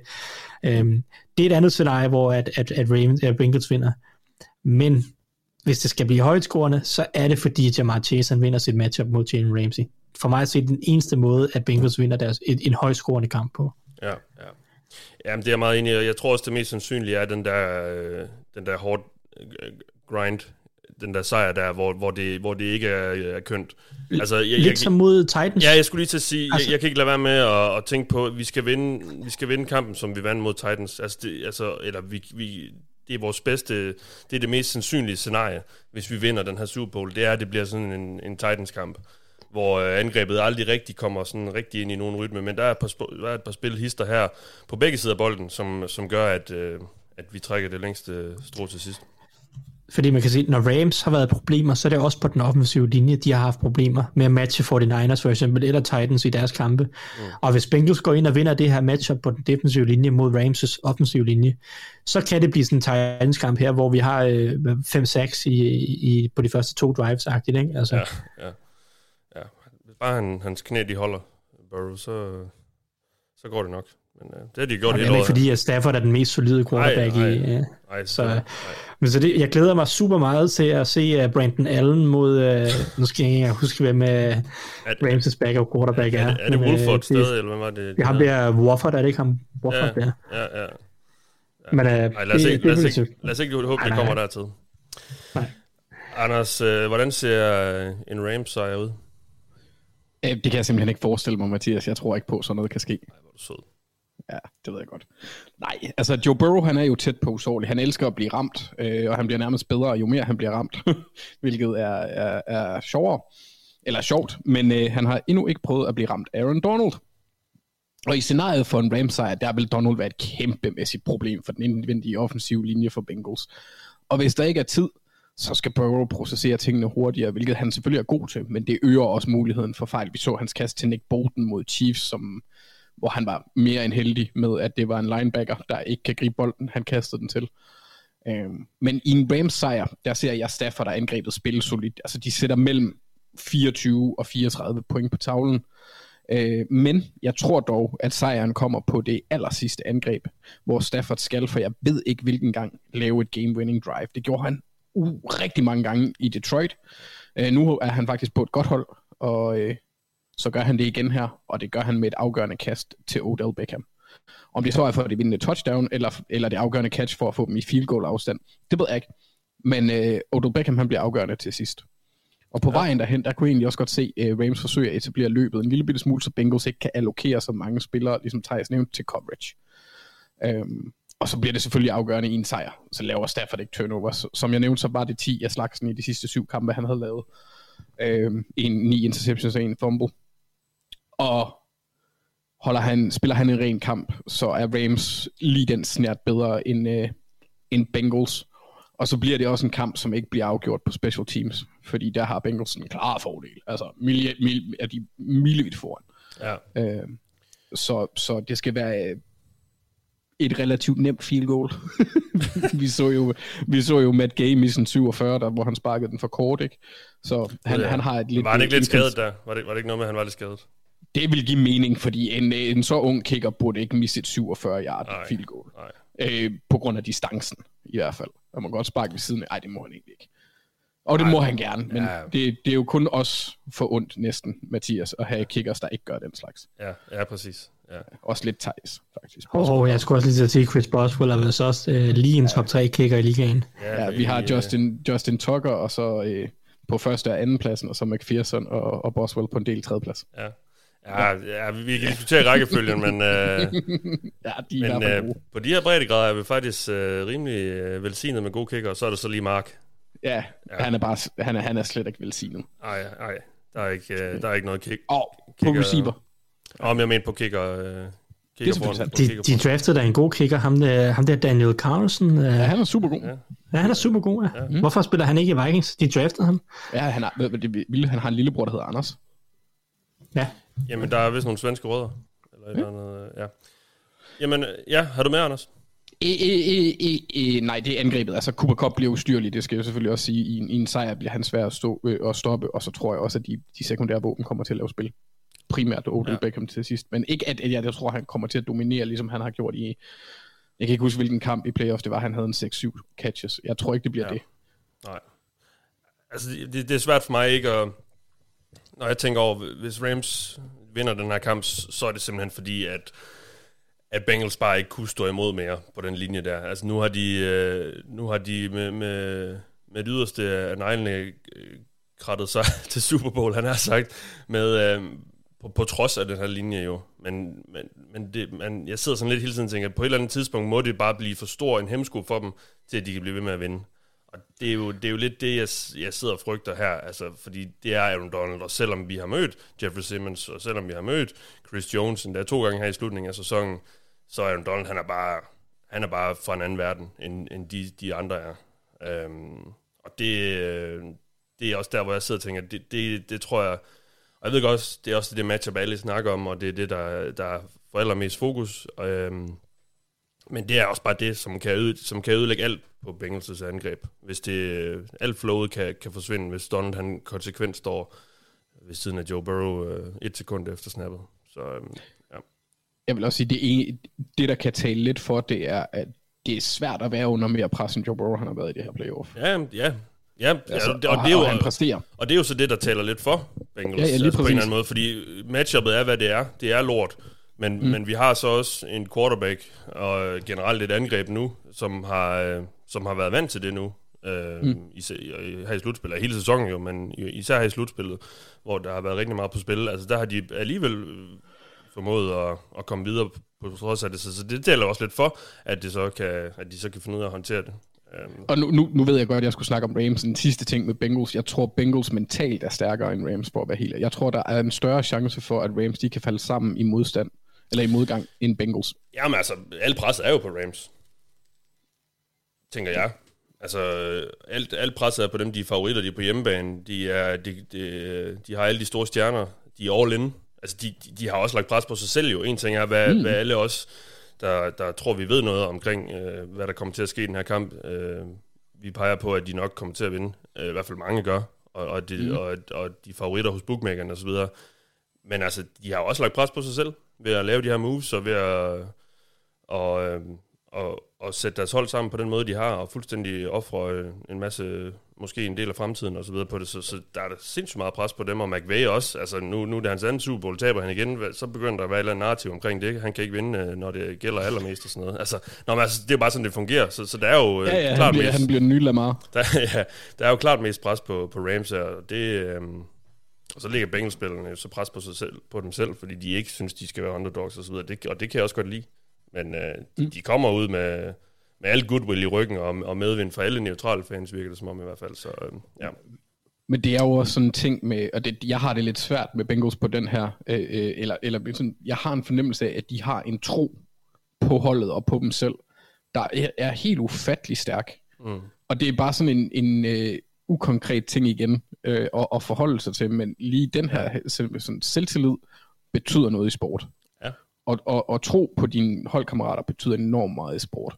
Og Bengals, øh, Bengals har bare haft kampe, hvor de, altså, de har vist, de kan komme tilbage fra det meste, og mod de mest usandsynlige mm. mandskaber, ikke? Jamen helt sikkert, Så. og, og selv hvis de, og igen, og det er jo så også fedt, fordi de har noget, de har noget ballast her, fordi selv hvis de ender med at komme, komme hurtigt bagud, jamen det har de prøvet før.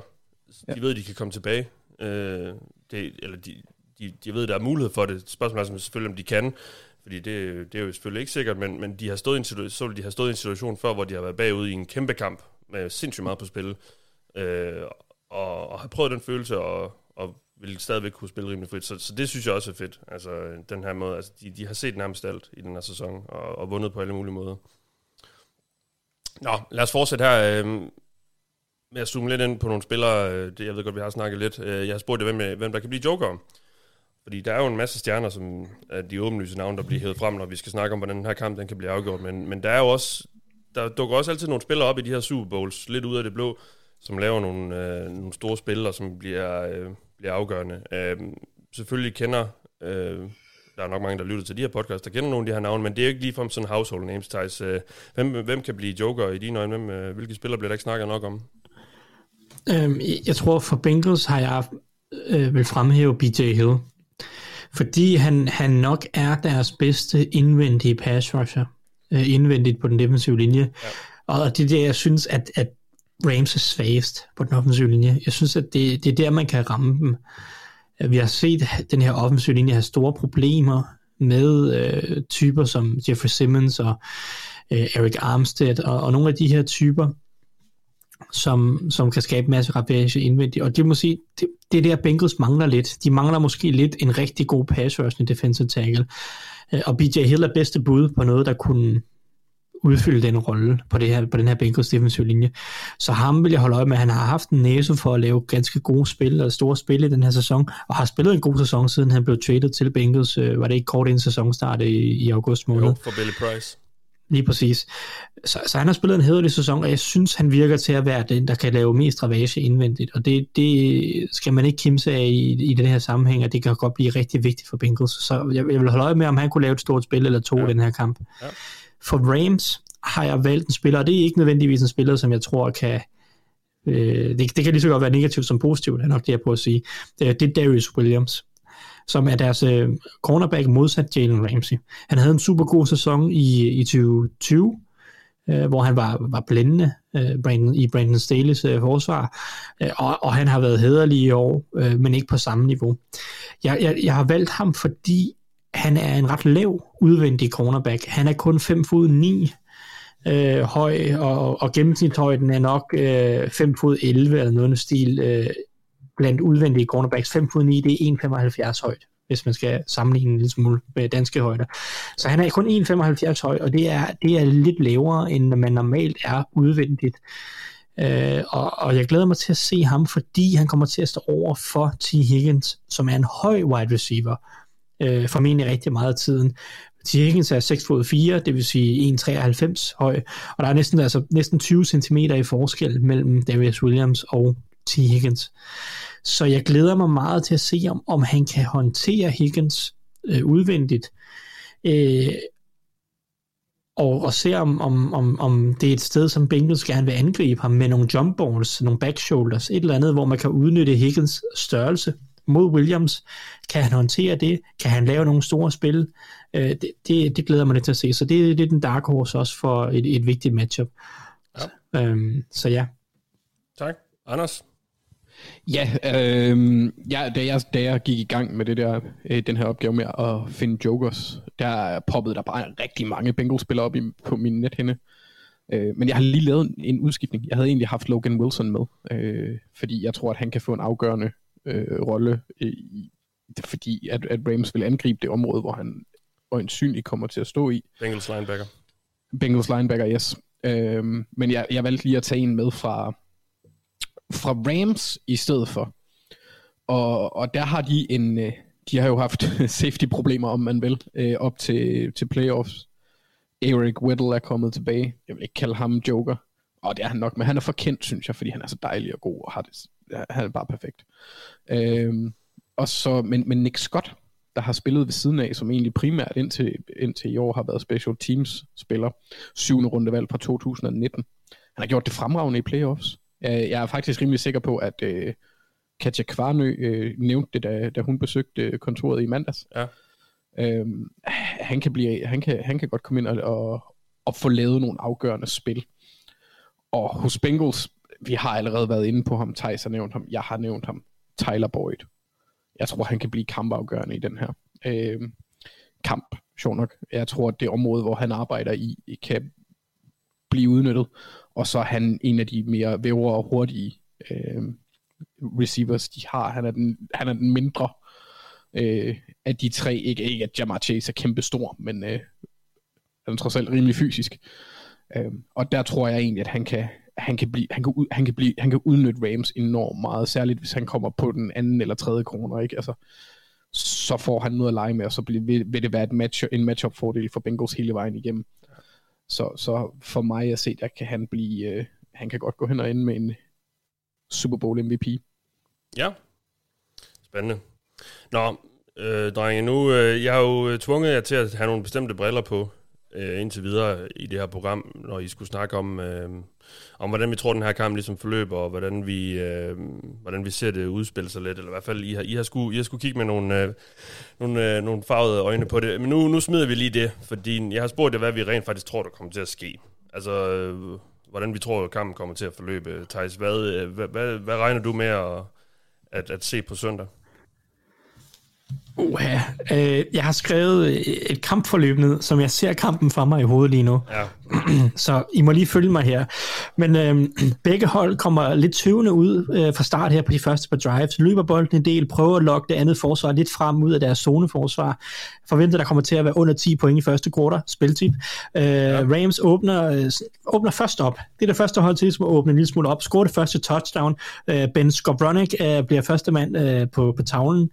Øh, den her høje receiver, der er næsten er halv tight end, skulle jeg til at sige. Øh, de tegner noget op til ham ned igennem simen med midten af banen, øh, splitter de to safeties og griber første touchdown. Øh, Bengals skal nok byde lidt igen, kommer her, øh, efter de kommer lidt bagud, men Rams går til pausen foran et sted mellem 3 og 14 point, altså 1 til scoringer. Øh, måske en pausestilling, der hedder noget i retning af øh, måske, måske 13-6, måske noget 17 17-10 eller noget i den stil. Ja.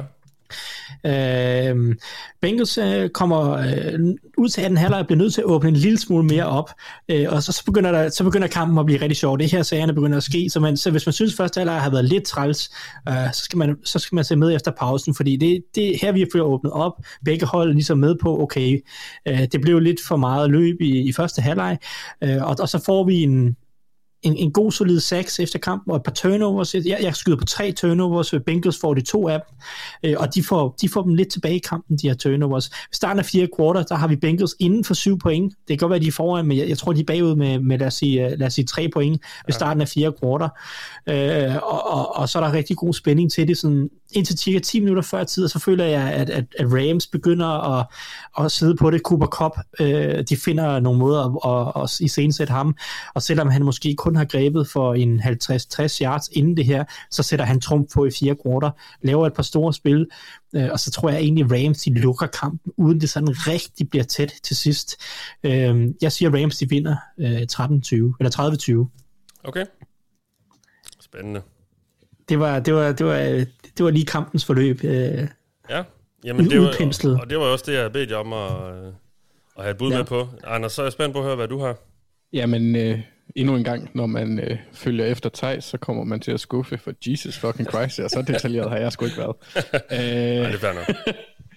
nej, men altså mit bud... Altså, det, det, det var kun gjort for, at øh, hvis jeg nu rammer rigtigt bare på nogle af tingene, så Åh. ser det rigtig fedt ud bagefter.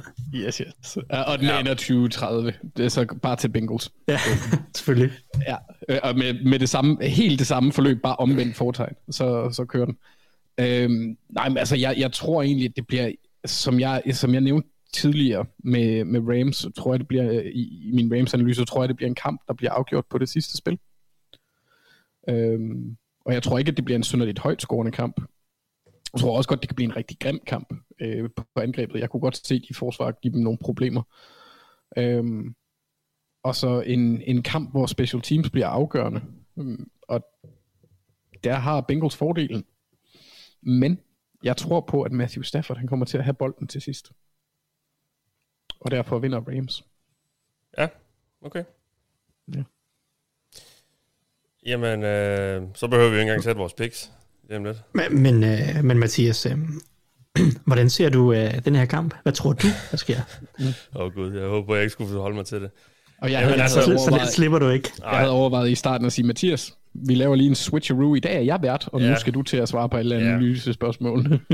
Jamen altså, jamen altså, jeg, jeg, har, jeg, jeg, jeg ved det, jeg ved det fandme ikke, altså jeg har faktisk ikke, jeg har faktisk noget, en fin mavefornemmelse. Og, og det er ikke fordi, jeg er jubelidiot, synes jeg faktisk. Jeg, jeg, jeg har det bare sådan lidt, som også du var inde på øh, lidt lige før, Anders, det her hold virker bare som om, de, de, øh, de ved ikke helt, hvad det er, de har gang i på en eller anden måde. Altså, de mm. er, det er ikke stedet dem til hovedet, det her, tror jeg. Og slet ikke vores quarterback. Han virker simpelthen så... Øh, altså, det virker som om, som om, han er ved at falde i søvn. Det er de der øh, pressemøder, jeg har set ham. Altså, han er fuldst... I hvert fald udadtil virker han som om, han er ret upåvirket af det her. Og selvfølgelig er han ikke det. Selvfølgelig ved at, at det er også kæmpe stort for ham. Men jeg har bare så meget tiltro til, at han på en eller anden måde får ført det her hold... Eller i hvert fald får gjort sådan så, at det ikke bliver en ydmygelse. Altså, det, det tror jeg bare. Altså, der er sådan en eller anden tro på, øh, på tingene med ham ved rådet. Øh, så jeg tror, det bliver en tæt kamp. Det tror jeg, det gør. Jeg tror... Og jeg kunne også godt se, at vi, vi, øh, vi kommer halvstort bagud, fordi, øh, fordi der måske er lidt, der er lidt sted. Der, Zach Taylor, han, han, han starter stadig ud med nogle, øh, med nogle løb. Det, øh, det kan han godt lide. Han vil gerne lige have lidt gang i det og se, om, om, det, om det, hvor godt det fungerer. Og det bliver sådan lidt konservativt til at starte med. Øh, og så bliver han nok lidt nødt til i anden halvleg, som, øh, som vi også så mod Chiefs, og slippe det lidt mere løs. Altså, og dengang fik, mod Chiefs fik han jo så også hjælp af et forsvar, der lige pludselig rigtig kom i gang. Men der kommer lidt mere gang i det. Han, han indser, okay, der, der skal ske lidt mere her, så, så der begynder at blive åbnet lidt mere op for det for kastespillet og så videre. Og så, så tror jeg, det bliver sådan en halvtæt afslutning. Øhm, og, og det bliver sådan noget med et, et enkelt spil eller to, tror jeg også, det kan komme ned til, som kan, som kan svinge, øh, svinge den her kamp til sidst i, i fjerde kvartal. Jeg tror sagtens, Bengals skal vinde. Altså, det tror jeg. Jeg, Ja. jeg, jeg har det sådan set, igen, jeg har egentlig en, en fin mavefornemmelse. Um, ja. Sådan noget med cifre, det, det synes jeg altid er sindssygt svært. Um, Jeg tror ikke, jeg tror ikke nogen af holdene kommer over 30, medmindre der er enten øh, nogle defensive touchdowns eller, eller special teams eller sådan noget i den stil. Det, det, tror jeg, det tror jeg egentlig ikke. Så det bliver sådan noget 27-24 måske. 27, øh, ja, 27-24 tror jeg. Øh, til et af holdene. og så er det shooter. Ej, det, og så er det shooter til sidst. Evan McPherson, der, der, sender den, øh, der sender den igennem stolperne, og så vinder vi Super Bowl på det.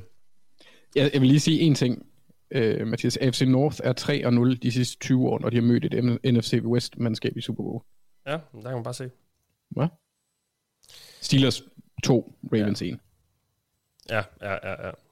Ja, men altså, øh, jeg tror, ja, jeg, jeg, jeg, jeg, jeg, jeg tror ikke, jeg er ikke så sikker på, som det måske lige lyder, at Bengals vinder, men jeg, jeg tror sagtens, vi kan vinde. Øhm, mm. Men det vil heller, jeg vil heller ikke blive overrasket over, nu, nu ved jeg godt, nu laver en helgardering, og det er, det er latterligt, men jeg vil heller ikke blive overrasket over, hvis, øh, hvis Donald han bare smadrer det hele. Men jeg, men jeg tror faktisk, at de, de på en eller anden måde kan justere lidt til det Bengals. Jeg tror ikke, han bliver helt så stor en, øh, en torn i øjet på dem, som, som alle går og snakker om, at han kommer til at være. Fordi mm. på en eller anden måde får, får de fundet ud af en eller anden måde at, at komme lidt omkring det. Fordi det er så åbenlyst, så, så det har de også forberedt sig på. Altså, og så kan det være, at Rams kommer med et eller andet, vi slet ikke kan snakke om. Og de har også lige en Von Miller, som de også lige skal holde styr på. Og, og det er jo klart, øh, det, det er jo så der, hvor det begynder at, at, at kan blive kritisk. Um, men jeg tror på Bengals, jeg tror på Burrow. jeg tror på... Øh, altså, Taylor skal bare lade ham øh, kalde spillene. Det, det gjorde han, øh, var, var det mod Titans, hvor, øh, hvor headsetet det gik ud, og så, øh, så var det Burrow, der kaldte spillene. Det, det, det, skal vi måske håbe på sker igen på det der store stadion. Øh, nogle signaler, der lige bliver, bliver lidt øh, forstyrret. Um, så, så jeg, jeg, jamen, også, altså, jeg glæder mig bare til at se kampen. Altså, Det er så sindssygt, at mit hold skal spille den her kamp. Jeg ved godt, jeg har sagt det mange gange, men jeg kan, det, det er så vildt, at alle snakker om Bengals lige pludselig. Altså, det er bare så vildt Det er for, for, Aldrig sket før. Nej, altså, det, det er bare så vildt at, at opleve det. Altså sådan, at alle, alle øh, programmer på NFL Network, og alle podcasts, der kommer ud her, øh, det, det handler om Bengals på en eller anden måde, og sådan noget. Det er så sindssygt, at alle lige pludselig får øjnene op for det, og, og jeg skal se mit hold i en Super Bowl. Det synes jeg bare er... Jeg, jeg ved slet ikke, hvordan jeg kommer til at have det på, på søndag. Jeg tror, jeg bliver sindssygt nervøs, men også bare overvældet over, at de står der. Så øh, ja, lige nu har jeg det egentlig fint nok med det, men jeg, jeg kommer til at være nervøs søndag aften, det er der ingen tvivl om. En, en anden ting, jeg skal se Super Bowl med en person, jeg har set en Super Bowl med før. Ja. Og det var, da NFC West tabte til AFC North i 2000, og da Steelers vandt over Seahawks. Ja, ja. Så det, det kan være. Det var min første Super Bowl. Mm. Så, ja. Nå, vi har lige lige sidste punkt, øh, som ikke er så X's and O's-agtigt. Det, jeg har egentlig bare spurgt, hvad jeg glæder mig mest til at se. Om der er en særlig storyline, I kommer til at følge. Thijs, hvad, øh, hvad, hvad, øh, har du, øh, hvad har du udset der? Der er jo mange. Øhm, jeg, har, jeg tror, jeg har snakket nok om uh, Jamar Chase og Jalen Ramsey Ja. øhm, storyline. Men jeg tror, jeg tror, jeg vælger at gå med, jeg, jeg vil rigtig gerne den her storyline med Eric Weddle og Andrew Whitworth. Mm. To old gamle legender, som Rams har løbet ja. rundt. Øh, kan de få en ring? Endelig. Ja. For jeg ved godt, at øh, Weddle har været i, i Super Bowl før, øh, mener jeg. Var, var, var han ikke i Super Bowl med... Så var det der med Rams. Han har ikke været det med Ravens. Ja, ikke, men, men nej, nej, nej, præcis, men jeg mener, han var i Super Bowl med, med Rams der. Han var i Det var Rams fra 19 til 20. Ja, Så det tror jeg ikke, han var. De, de var i Super Bowl i 19. sæson, jo. Ja, jeg skulle til at nej, det var 18. det var nej, det. undskyld, det var 18. Ja, det var, ja, Var det han, 18? kom, Nå, ja, okay. han, kom, ja, han kom efter. endnu bedre. Han har aldrig været i Super Bowl så.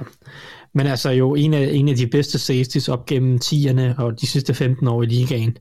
Øh, fuldstændig ud af det blå hæver, bliver han hævet tilbage her til slutspillet, fordi Rams bliver ramt af nogle skader. Øh, 37 år, øh, det giver ingen mening, øh, at han lige pludselig bliver hævet af, af, af pensionen, og så er han med nu. Og så Whitworth, som jo har været en suveræn venstre tackle i så mange, mange år i ligaen.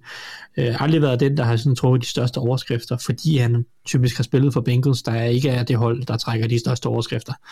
Øhm, kan, de Wow. få, kan de få deres ring endelig? Øh, Weddle og Whitworth. Altså det, det bliver bare en storyline, som, som jeg glæder mig meget til at se. For mig er det bare ja, øh, begge to spillere, jeg har kæmpe sympati med. Øhm, Så, så, så, så det er jo nok ligesom det versus uh, Burrow Magic, som er, bliver storylinen for mig. Ja. Anders?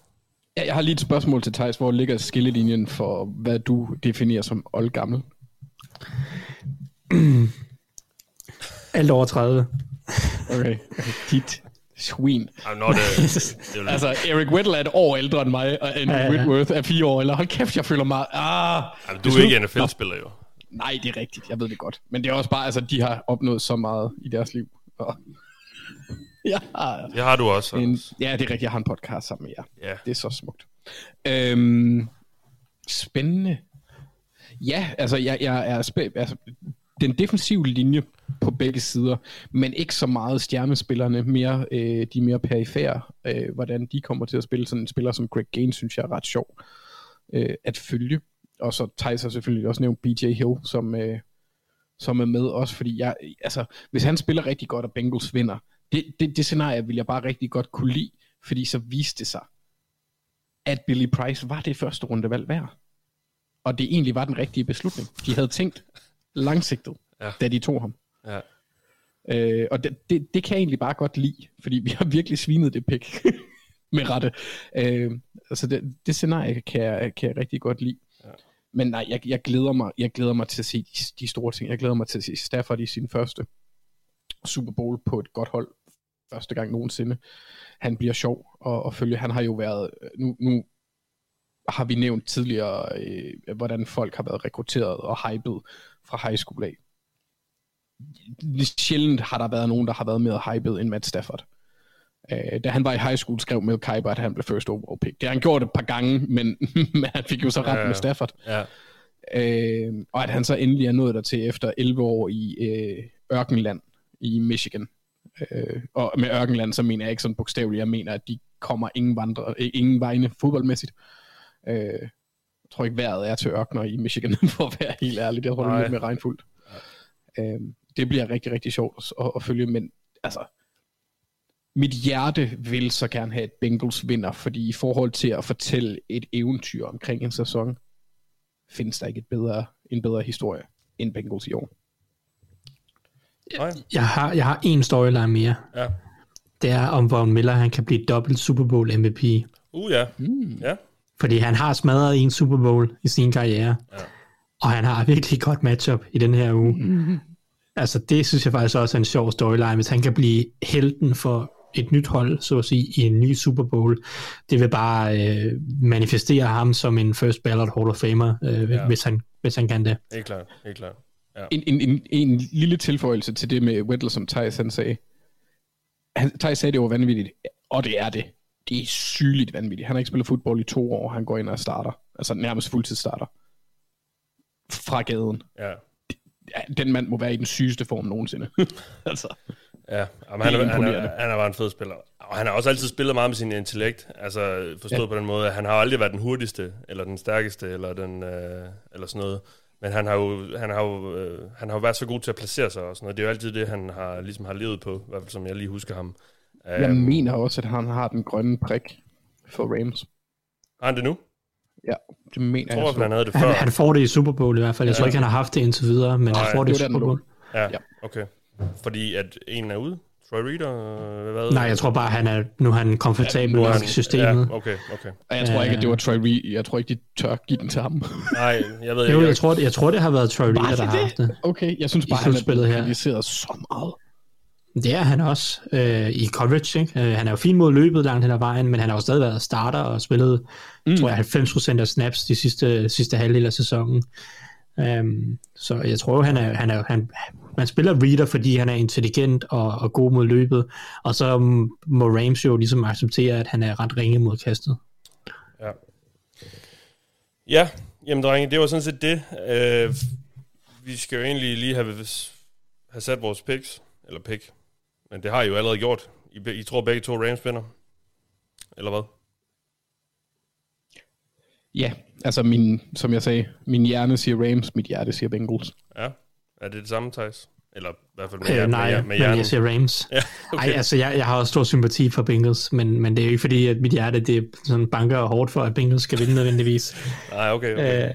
Øh, jeg- har det fint med begge hold vinder. Jeg kan, jeg kan godt lide begge hold. Du vil, mig, Øh. du vil mig ikke det bedste. Nej, Øh, Thijs, helt ærligt. Det er også fair nok. Nej, det er ikke. Det er ikke okay. I den her sammenhæng Nej. er det. I tror Det, på øh, Rams, jamen, så lad mig bare... Fordi det ikke har nogen betydning. tro nu på det, ikke Jamen, Mathias? Du skal tro på det. Jamen det er også det, jeg siger. Lad, lad mig nu bare for god en skyld, selvom det ingen betydning har, fordi nu går vi med Rams, men jeg siger, så siger jeg Bengals vinder. Og jeg tror jo faktisk, det sad jeg jo så også lige og, og, og snakke om lige før, jeg tror sagtens, det kan lade sig gøre, og jeg, jeg har faktisk en, en, en lille tro på det, fordi øh, det har bare været et eventyr det her, og, og hvorfor skulle det stoppe nu? altså det, de, de rider bare på en bølge, og øh, ja, jeg tror sgu, de... Øh, jeg tror, de kan vinde den mentale kamp lidt. Altså, igen, alt presset er i hvert fald, øh, tror jeg, som jeg, som jeg sådan lige fornemmer det på Rams. Og, øh, og det tror jeg godt, det kan ende få en lille betydning, når det virkelig er crunch time til sidst, og Stafford han står der, øh, og, det, og, det er, og det er rigtig, der er rigtig meget på spil. Der har, jeg, Altså, vi- der, har jeg, der har jeg det rigtig godt med, at vi har Joe Burrow bag center. Vi har jo også set hold tidligere ramme den der stime lige inden playoffs og i playoffs, og så sådan ikke umiddelbart være favoritter. Vi så det med Giants to gange, og vi har set det Ja. med Flacco Ja. og Ravens. Og sådan. Altså, der er, det har et eller andet at sige, at man føler, at man er en, en, ja, på en streak af en art. Helt sikkert, ja. Jamen, de her, tak fordi øh, I var med, og øh, jeg håber, at øh, jer derude er blevet klædt rigtig godt på til den her kamp. Og øh, vi har også allerede snakket om de her to holds vej til Super Bowl i et andet program, som jo udkom mandag. Så hvis du ikke allerede har hørt det, så gå tilbage og gør det. Så, øh, så, så, så, så kan vi i hvert fald godt stå inden for, at du, øh, du er klædt, klædt godt på til at, at se Super Bowl på søndag. Jeg øh, hedder Mathias Sørensen, og med mig har jeg haft her Anders Kaltoft og Thijs Joranger, og nu siger de farvel, men det gør jeg ikke, fordi nu tager jeg lige en snak med Nikolaj Jørgensen, som er guldhusmand i Los Angeles, og øh, som altså skal dække Super Bowl derovre. Og har sørget for, at vi får Ravens i Super Bowl i år. I år? Han er, han er Ravens-fan. Det, det, er vores, Ja, Raven, det er vores repræsentant i Super Bowl. ja, præcis. Ja, ja. Nå, ja, på den måde. Ja, ja, ja, ja helt klart. Der er, Ja. ja. der er et lille stykke Ravens i Super Bowl. Selvom Nå, det ja. så er jeres uh, divisionsrivaler, der skal spille i den. Men øh, min snak med, med Nikolas kommer her. Så er der altså besøg fra den anden side af jordkloden. Vi har Nikolas Jørgensen med os, guldkludsmand i Los Angeles. Hej Nikolas. Hej med dig, Mathias. Tak for, at jeg måtte være- måtte være med. Jamen selvfølgelig. Klokken den er 11 her onsdag aften. Det vil sige, at den er to over ved dig. Men jeg ved ikke, hvad siger din krop? Hvad, hvad tidszone er den på? Øhm, den er i elevator-tidszone. Jeg har det som om, at min krop den lige bliver rystet igennem en gang imellem. Ja. Når, når det sådan, den, den vil gerne have, at tiden er en anden. Og Ja. så, øh, så føler jeg egentlig, at min, min indvold lige er på vej ud af mig. Okay, det lyder ikke så godt. det er ikke, fordi du har spist et eller andet øh, stærk mad eller sådan noget? Ej, jeg, jo, altså jeg har, nu er det jo Los Angeles, så man får primært meksikansk mad at spise over. Ja. Og, øh, så det kan godt være, at det, her, at det hænger unægteligt sammen. ja, ja, ja. Jamen, jeg kan selv huske det, fra, da jeg var sted der i forrige uge.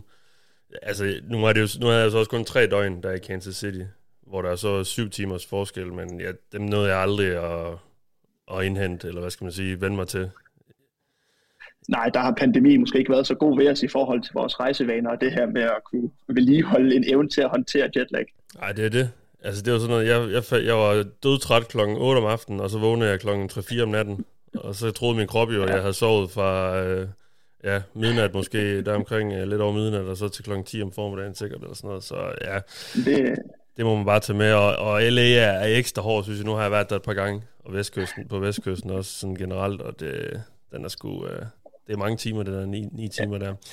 Nå, Nikolas, vi har dig med her for lige at høre lidt om, hvad, hvordan det står til i, i Los Angeles øh, her, øh, i takt med, at Super Bowl kommer tættere og tættere på. Hvornår var det, du, øh, du kom til, til LA? Jamen, jeg landede mandag kl. 12 fra, øh, i Los Angeles, og, øh, og nåede så direkte hen på hotellet og, og tage det første pressemøde med, med Los Angeles Rams. Ja. Det, er, det er specielt at være herovre igen, og specielt også fordi, at corona stadigvæk fylder rigtig meget i Los Angeles. Ja. Og det betyder, at øh, NFL har holdt mange af spillerinterviews med videre til, til virtuelle arrangementer. Så er de så, så, så skønne og pragmatiske amerikanerne, at de har vurderet, at på fredag, så kan spillerne ikke nå at blive smittet før kampen. Så Nej. derfor så holder de fysiske pressekonferencer med begge hold på, på fredag, og, og det bliver rigtig fedt. Dog ja. udendørs. Ja, okay. Men det kan man jo så også, når det er LA. Um, øhm, det, er jo, øh, det er jo gul lyd, du er derovre for, øh, og, og du er der jo, du kan jo komme med til alt det her, fordi du har en, en, en presseakkreditering til det. Det er jo sådan noget, øh, du og også jeg har, øh, har, har udnyttet tidligere. Jeg var til Super Bowl for tre år siden, hvor Rams jo også var med. Um, men måske er det ikke alle, der lige sådan helt ved, altså hvordan er foregår, hvordan er processen med at få det her, fordi det, altså, jeg ville jo ikke bare lige kunne have ringet i sidste uge, efter det stod klart, at Bengals skulle i Super Bowl og få en, øh, og få en akkreditering. Altså, hvor lang en proces er det her med at blive godkendt til det og så videre? Ja, og, øh, og som vi også lige talte om tidligere, så var det jo ellers noget, jeg skrev til dig omkring også, Ja. at det kunne virke unfair, at det ikke var dig, der skulle overdække det. Men det skyldes ja. jo, som du siger, at øh, om end vi har, have fået en skøn og vidunderlig, men nok også biased dækning af, af, af Cincinnati. Bengals, men lad os nu tage det med. Ja. øh, nej, det starter jo allerede tilbage i efteråret, hvor du simpelthen søger om den her akkreditering, og den ansøgningsproces, den løber jo så fra, fra november frem til januar, hvor du får svar. Jeg troede ærligt talt ikke, at jeg ville komme afsted i år. Vi var, jeg synes, de var længe om at give øh, tilladelserne øh, NFL. Men det er jo også fordi, igen, nu nævnte vi, corona fylder meget herovre. Sidste øh, år, der var det slet ikke muligt for udenlandske mindre medier at komme ind mm. i USA. Men det er det jo så blevet i år. Og så bliver du simpelthen også sikkerhedsgodkendt af, øh, af sikkerhedsmyndighederne herovre. Jeg er ikke klar om det er FBI eller CIA, men i hvert fald bliver du sikkerhedsgodkendt for overhovedet at kunne komme hertil. Det vil sige, at din akkreditering er bundet op på dit pas og din Ja. identitet, som du så går ned og, og afhenter og verificerer her i, øh, i Los Angeles. Nu sidder jeg i, i uh, mediecentret, og det er ligesom her, hvor den slags den, den foregår, hvor de udleverer uh, akkrediteringerne med videre. ja. Jeg tror, det er FBI. Det synes jeg, jeg kan huske der, for, ja. Ja. for da jeg skulle afsted der for tre år siden. Og jeg var sådan, altså jeg, jeg har aldrig lavet noget kriminelt, men man ved sgu aldrig, hvad de kan finde. så øh, jeg, var, jeg var sådan lige sådan lidt, øh, hvad fanden, øh, men jeg tror jo ikke engang, det er jo ikke fordi, man skal til sådan et, et, et man skal jo ikke ind til, af, til en eller anden afhøring eller noget, det er jo bare sådan, jeg tror bare lige, de, de tjekker sikkert om med de danske myndigheder et eller andet med, hvad de kan grave frem. Øh, så Du tror ikke, de er inde og læse om alle dine Bengals tweets, og, og så vurdere, om du er, om du, om du er berettiget eller ej? det kan godt være, at de vil, være, de vil gøre det nu, og sige, ham der, han, øh, han kan umuligt, øh, han kan umuligt have, have ren mel i posen, siden han har sådan nogle øh, tendenser. Som Ravens-fan vil jeg gerne bakke det op. Ja, ja, jamen, det er jeg ikke i tvivl om. Øhm, og så, jamen, og hvordan, og hvordan så, hvordan, hvornår har du kunne bestille? Fordi der, er der har været en hel masse usikkerhed omkring øh, corona, netop som også du siger, og sådan noget. Altså, hvornår har du kunne bestille flybilletter og, og alt sådan noget? Jeg bestilte faktisk først i midten af januar. Der, der blev bestilt øh, hotel gennem NFL. Øh, Ja. De har lavet nogle samarbejdsaftaler med udvalgte hoteller. Ja. Og så fik jeg bestilt fly, øh, så snart som jeg, jeg overhovedet kunne komme afsted med det. Fordi priserne de jo kun stiger, desto tættere du kommer på, på, på afgangstidspunktet. Og så var der ligesom også en arbejdsgiver. Øh, vi jo frivillige her på Gul Klud, øh, som skulle informeres om, at jeg skulle afsted. Det var ikke Ja. et spørgsmål, det var et, jeg skal afsted. Og Ja, det var de heldigvis så, så gode og forstående øh, overfor, at det skulle jeg også have lov til at have mulighed til igen. Ja, ja det var godt. Jamen, hvordan, så lad os lige høre lidt med logistikken, øh, hvordan det lige fungerer nu, når du er derovre, fordi øh, da jeg var i, til Super Bowl, det var i Atlanta, som ikke er en kæmpestor by faktisk, selvom man måske nok skulle, skulle tro det, i hvert fald downtown er ikke særlig stor, og der lå det hele downtown. Øh, stadion ligger nede i, øh, eller ligger inde midt i byen nær, nærmest, og øh, Atlanta Kongresscenter der, hvor der også var, var mediecenter og alt sådan noget, det lå lige ved siden af. Så, så det hele var nærmest det samme sted, men øh, jeg tænker ikke helt, det er sådan i LA. Hvordan er det lige med, med det hele? Hvor bor du i forhold til, til pressecenter og stadion og så videre? De har, de har fået lavet samarbejdsaftalerne med hotellerne, sådan så jeg bor tæt på Convention Center, altså det her mediecenter, Okay. øh, hvor jeg har min daglige gang, og for det meste, hvor alle de pressekonferencer og spillerinterviews, de, de foregår. Og der bliver du simpelthen hentet i en shuttlebus ved hotellet. De har tre afgange hver morgen, 6, 7 og 8, og på grund af jetlag, så er jeg med klokken 6. Og så har så kørt de der også hjem igen om, øh, om eftermiddagen og aften. Okay. Øh, der er også nogle faste afgangstidspunkter. Nu kommer jeg lige fra en pressekonference med Roger Goodell, NFL-kommissær, kommissær, og, øh, og det foregik ude i NFL's hovedkvarter, som ligger ved siden af SoFi Stadium. Det er ude i Inglewood, og som du siger, Los Angeles er jo en gigantisk by. Så der er også øh, shuttlebusser, der kører i, i en god rumtid også, før Ah, okay. altså pressekonferencen, så man kan komme frem og tilbage. Det kan godt være, at de har otte spors motorvej her, men det, det har de sgu også brug for, må jeg sige, ja. med, med den mængde biler, der kører rundt. Ja. Nå, så du slipper simpelthen for, for taxa og Uber og sådan noget rundt. Det, det er jo altid noget. Det er, det er altid noget, ja. Også fordi inflationen er, er ved at stikke af herover, så, så det er relativt peberet at skulle Ja. ja. og køre taxa. Ja, ja, ja. Og hvordan, øh, du kommer som mandag der, og, og så bare direkte i gang med, øh, med pressen Ja. noget. Ja, intet, Ja. intet mindre. Øh, Ja. Startede ud med Los Angeles Rams og, og deres pressekonference. Nu foregår det jo virtuelt her til at starte med, som jeg sagde. Og der har du simpelthen mulighed for at koble dig på enkelte podier virtuelt, mm. og så kunne, uh, kunne følge med. Så skal du, ligesom man kender fra, det er vi jo alle sammen efterhånden velkendt i, Zoom-møder, uh, Microsoft Teams, så kan du rejse hånden, hæve Ja. hånden, og så kan du være heldig at blive udvalgt. Hvor uh, da jeg var i Miami for, for to år siden, der var det jo med, med solide albuer, spidse albuer, at du kæmpede dig igennem til, Ja. ja. til podierne. Det kender du garanteret også selv. Ja. Og så måtte du ligesom råbe dit uh, interview eller dit spørgsmål igennem, indtil at spilleren han fattede, at du var der og, og tog dit spørgsmål. Ja. Det, den mulighed har du ikke her.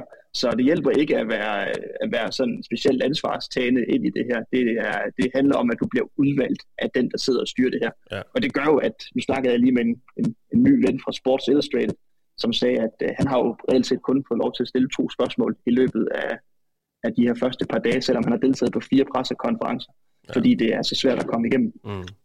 Ja, og der er så mange ombud. ja. Så lad os høre lidt om, hvad, du, øh, hvad din indtryk har været. Nu har, du, nu har du været til flere forskellige ting. Øh, ja, du kan også lige prøve at fortælle, hvad du har været til, og så lidt om, hvordan det har været. Øh. Nu har du ikke set nogen i øjnene endnu, rigtig andre end Roger Goodell, lyder det til. Jeg ved ikke, hvor meget, jeg ved ikke, hvor meget, liv, der er, hvor meget liv der er i hans øjne. Men øh, hvad, hvad, hvad, har du, hvad har du været til, og hvordan har det været? Jamen, øh, jeg startede, jeg vil sige, det, det, det startede egentlig i går morges, da vi tog afsted til SoFi Stadium, og havde den fantastiske mulighed at skulle, øh, kunne besøge det og se det.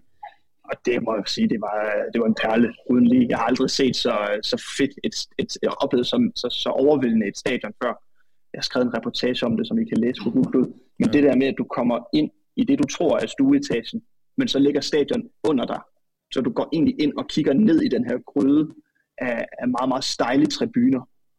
Og det er ret overvældende, synes jeg. Jeg er meget, meget spændt på at høre lydniveauet her på, på søndag, selvom at det er, ikke er, jo det er jo Rams, der, der er hjemmebane, men ikke en decideret hjemmebanekamp. Nej. Så tror jeg, at lydniveauet kommer til at være, være, være ufatteligt højt.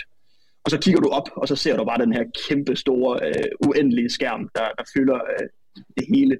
Og det, øh, det må jeg sige, det er nu, du snakkede jeg med en reporter derfra, som sagde, at hver søndag, når de spiller kamp, enten Chargers eller Rams, så er det jo ofte de her, i Danmark er det 22-25 kampe, 22-05 kampe, ja. hvis ikke det er en primetime kamp.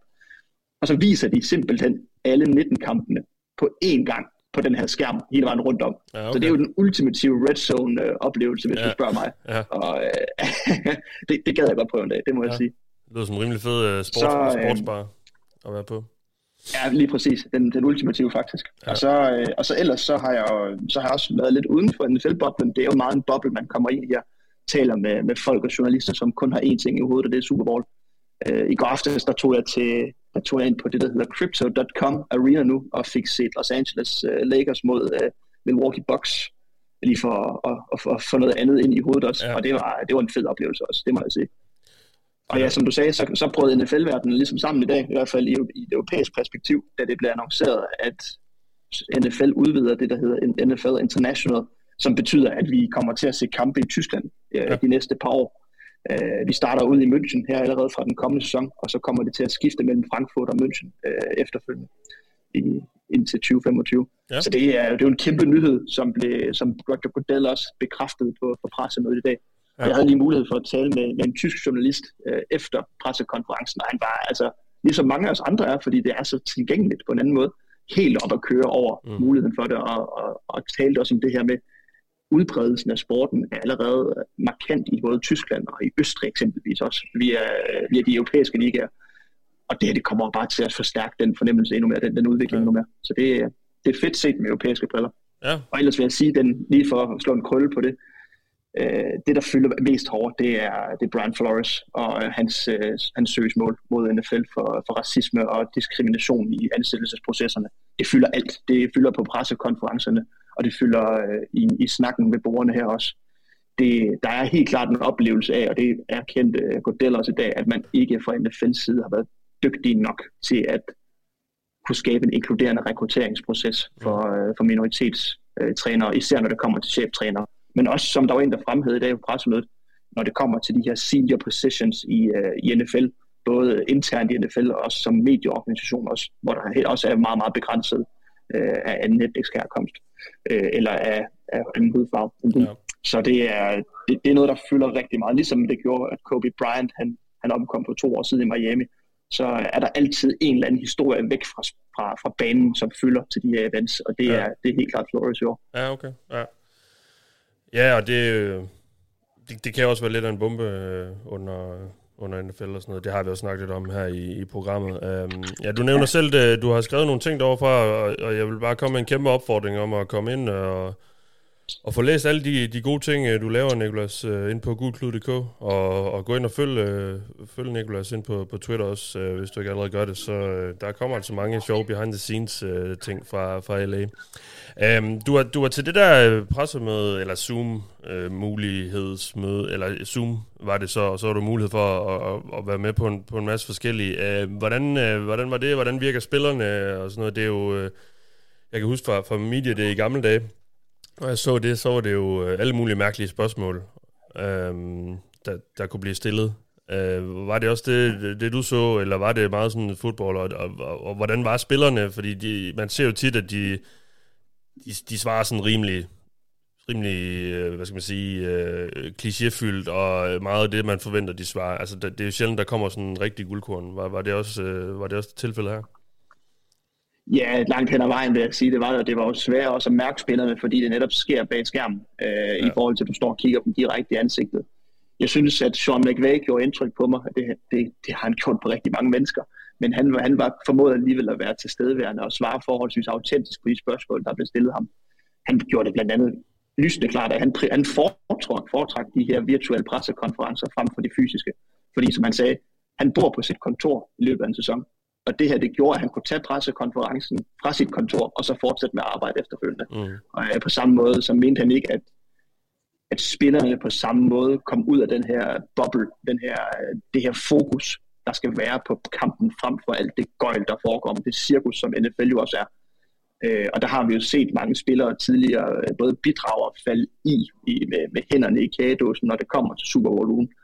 Og, og det er der jo ingen risiko for øh, på samme måde at gøre i år, hvor de er sådan lidt afholdt.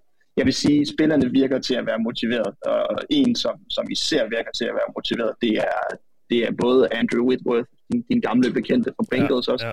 og, så, øh, og så Aaron Donald især også, som, øh, som også talte om det her med at have tabt en Super Bowl, og hvad han havde lært af det. Og han var, han var meget klar i mailet om, at det her det handler om hans karriere. Det handler om, at han vil krone værket med en Super Bowl ring eller flere. Mm. Og hvordan så, øh, nu du fortalte lige, øh, du var til, til pressemødet der med Goodell, um, og, du- og du sagde lige inden vi, vi, vi begyndte at optage her, det var, det var pisse varmt. Øh, der, er jo, der er jo ret godt vejr i LA, omkring 30 grader og så videre. Det, det er vel også ganske rart, når man kommer fra iskold Danmark. Um, Ja, det er det. Der er selvfølgelig også noget, noget, noget, noget akklimatisering der. Ja. De sagde, han levede med at sige, Godel, at han havde fået at vide, at det her det var den, pre- den varmeste pressekonference, man nogensinde havde gennemført i NFL, øh, fordi det var udendørs og i de her 30 grader plus minus. Og så, og så når solen den, den bærer på journalisterne, ja. så øh, kunne man jo godt tænke, at det var et greb ind i at få dem pacificeret så meget som muligt. Ja, I skulle, jeg tror I ikke, skulle det virkede. Nej. Ja, det er det. Han, øh, jeg synes, i forhold til tidligere pressemøder, jeg har været til med Godel, der fik han, øh, der fik han virkelig øh, sin sag for her. Der blev spurgt meget, meget aggressivt ind til især Flores-sagen, som sagt. Der var en journalist fra, øh, fra det NBC, som listede alle de hold, der aldrig har haft en mørk head coach op for ham. Mm. Og så spurgte, om han havde, om han havde fejlet eklatant som, som kommissær. Og, og, og der var flere af den her slags spørgsmål, som man ikke normalvis ser. Jeg havde egentlig en oplevelse i Miami af, at de havde forhåndsvalgt de spørgsmål, der skulle komme. Og den fornemmelse sad jeg ikke med den her gang. Det var, der blev gået kød på Godell på NFL, både også i forhold til Dan Snyder og de seneste øh, anklager omkring øh, øh, seksuelle krænkelser og diskrimination også. Øh, der blev også gået kød på omkring Adil McCamara-sagen. Han blev anholdt også her og fik alligevel lov til at spille i Pro Bowl. Ja. Øh, og, og, og, og der, måtte han, der måtte han altså ud og væk fra de her kliché-svar. Han fik også sagt Godell, at Rooney-reglen har spillet for lidt, og at man vil kigge på den og genoverveje den i løbet af det næste stykke tid. Så altså, der kom også nogle, nogle indrømmelser. Ikke at det hele skal handle om det, men han var i hvert fald sit, han var mere på, end han plejede at være, vil jeg sige. Ja. Og hvad så, øh, Nikolaj, som sagt, nu sidder du her, øh, det er så onsdag eftermiddag for dig. Øh, hvad byder de næste dage på op til, til, kamp, øh, til kampdagen på søndag? Jamen, øh, jeg har øh, tre pressekonferencer virtuelt med de to hold, som øh, den næste den løber her om 30 minutters tid. Så kommer der øh, et fysisk pressemøde, som sagt, på fredag, som bliver, bliver fantastisk. Det glæder jeg mig rigtig meget til. Og i morgen, der, øh, der får jeg også den, den, den fantastiske ære at skulle møde Snoop Dogg, Kendrick Lamar, Dr. Dre, Eminem Uh, og, øh, ja, okay. og, og resten af halftime showet. Og der vil jeg da gerne sende en opfordring til både lyttere og, og andre, der skulle læse med. Hvis I har spørgsmål eller lignende, som man kan stille til, til den slags mennesker, så er jeg meget øh, modtagelig over for, for det. Ja. Det er helt klart. Og så er der en, en stor, øh, som jeg personligt kigger meget frem efter, en stor øh, mediefest på, øh, på fredag, som bliver holdt i Universal Studio Park, hvor, øh, hvor medierne er inviteret ind til, hvor de sådan lukker øh, themeparken for os, og, Okay. okay. og man så har fri bar og fri øh, benyttelse af restauranter og lignende, Og for helvede. og så kan man ellers køre en masse forlystelser. Så det bliver, det bliver skideskægt. Nej, det bliver mega sjovt. Hvad med øh, NFL? Og så selvfølgelig også, i morgen har vi NFL Honors, Ja, det som selvfølgelig også kommer til at fylde. Ja, Og der, øh, der er vi ikke akkrediteret til. Det er en snæver kreds, der får lov til at komme ja. med til det. Men jeg har så fået lusket mig med til øh, det efterfølgende pressemøde, øh, arrangeret af Hall of Fame-komiteen, hvor vi øh, kommer til at sætte skarp på, på den nye klasse øh, Hall of Fame. okay. Så, øh, så der skal nok blive... Øh, der skal også være arbejde der. Det bliver mega fedt. Jeg glæder mig så meget. Ja. Jamen, jeg, vi kunne heller ikke, da jeg var afsted, øh, måtte, måtte jeg heller ikke komme med til NFL Honors. Jeg gad ellers godt have stået der på, øh, På den på, røde løber. på Red Carpet, ja. ja. Og lige Ja. øh, stille nogle spørgsmål, men det, det tror jeg, det er lidt mere sådan øh, underholdningsmedier, der også de lukker ind der. Øh, ikke de, de helt Ja. hardcore øh, niche, niche-medier, me- niche-medier fra, fra Danmark. Så øhm, Jeg havde ellers taget, jeg havde ellers taget tøjet med til, hvis det du skulle være. Ja, ja, ja, ja. Jamen, og hvad så med, øh, med søndag? Hvordan, hvordan ser din søndag ud? Fordi øh, for, for os begynder kampen jo øh, halv, halv, øh, ja, det er så halv et om aftenen, øh, sen aften der. Øh, men det er jo noget tidligere for dig. Hvad er klokken der? Den er jo, er den, halv fire? Eller sådan noget? 15.30. Ja, 15.30, ja. ja. Øh, så hvordan bliver din søndag? Er det bare øh, tidligt op og så øh, mod stadion, eller hvordan? Ja, det er planen. Jeg, jeg regner med at tage den første, en af de første shuttles derud, som også er ved en 8-9-tiden, som jeg lige husker det. Og så, øh, og så være en del af det stå hej, der er omkring Super Bowl sådan søndag. Øh, de har jo både tailgates og, øh, og koncerter uden for stadion, hvor, øh, hvor fansene får lov til at hygge sig og varme op til, til kampen. Så det vil jeg helt sikkert også være med til at lave en reportage derfra. Og selvfølgelig også nyde det. Altså lige knibe mig selv navn en gang, og så nyde at stå inde på stadion og, og Ja. se det hele udfolde sig, før at det går i gang. Ja. Øh, så er der jo pressemøder efter kampen, hvor vi har fået lov til at være med os. Og det bliver, øh, det, jamen, det bliver specielt igen på det stadion med, med de her to hold, hvor det er så svært at forudse, hvordan det skal gå, hvis, hvis du spørger mig. Så er det bare en, altså, en kamp, der, der kun kan gå hen og blive helt fantastisk. Og så er altså også med det Super Bowl halftime show, som, som vi lige talte om. Så øh, det, nu er jeg vokset op. Øh, Jeg er 94 og er vokset op derefter. Og Jeg har sgu, jeg har sgu lyttet til, til samtlige de kunstnere hele mit Ja, ja, ja. liv, så det bliver altså Ja. også specielt at få dem på en scene. Det vil jeg, det vil jeg sige. Jeg håber, lyden er ordentlig, så man kan høre det. Jeg synes altid, lyden er lidt, uh, lidt shaky til det der. Um, jeg gav lige mulighed for at stille nogle øh, på vores Twitter, man lige kunne skrive nogle spørgsmål. Der, der kommer et enkelt fra Brian Nørbak. Han, han, Brian Nørbak, han spørger, om man kan fornemme, om, Ram, om Rams har en stigende fængende-gruppe i forhold til, at de nu er i Super Bowl. Altså, er det, er det noget, du har tænkt, lagt mærke til? Ja, altså nu var jeg jo inde og se basket i går, som sagt, og øh, ikke at det skal være repræsent- repræsentativt, men der var Debo Samuel pludselig på, øh, på storskærmen. Han var derinde og sidde nede frontcourt, og han blev altså buet hele vejen ud af arenaen, vil jeg altså hele tiden sige. Okay, Så der var en del Rams-fans formentlig til stede der. ja. Øh, hvis du kigger på, på deres kampe, eller eksempelvis kampen mod 49ers, så virker det jo til, at fanbasen stadigvæk er ved at lige at skulle finde sine ben her i Los Angeles. Du ser heller ikke rigtig mange Rams, tror jeg, gå rundt i bybilledet eller nede ved, ved stranden. Mm. Det, er, det, det vil jeg faktisk sige er begrænset. De 49ers fans indtog jo øh, SoFi Stadium her for, for en par uger tid siden, og, øh, og det, folk, jeg har talt med, der var til den kamp, siger, at halvdelen af fansene på det stadion på det tidspunkt var 49ers fans. Ja. Og det er, jo, det er jo ret uhørt i forhold til, at et hold står i, i en sjælden NFC Conference Final. Så altså, jeg tror det helt sikkert, at fanbasen er voksne herovre, og det vil jo en Super Bowl-titel jo også utvivlsomt hjælpe på. Det vil jo skabe en hype, især blandt de yngre fans, som kunne, kunne finde et nyt ståsted af et nyt hold. de bliver også presset af Chargers, som har en super attraktiv quarterback, Ja. Justin Herbert, som også er, er en, der sælger billetter, en som, som mange naturligt også vil holde med. Øh, og med Vegas, som vi talte om også, der ligger relativt tæt på, øh, på byen med Raiders og den historie, de også har i det område, Ja. så er det jo også et hold, der trækker rigtig mange fans. Så der er, der er kamp om markedet her, det vil jeg helt sikkert sige, og, Ja. og Rams skal nok satse på gennem den succes, sportslige succes, de nu kan opnå nu her, at, få et rygstød og, og skabe en fanbase ud af det.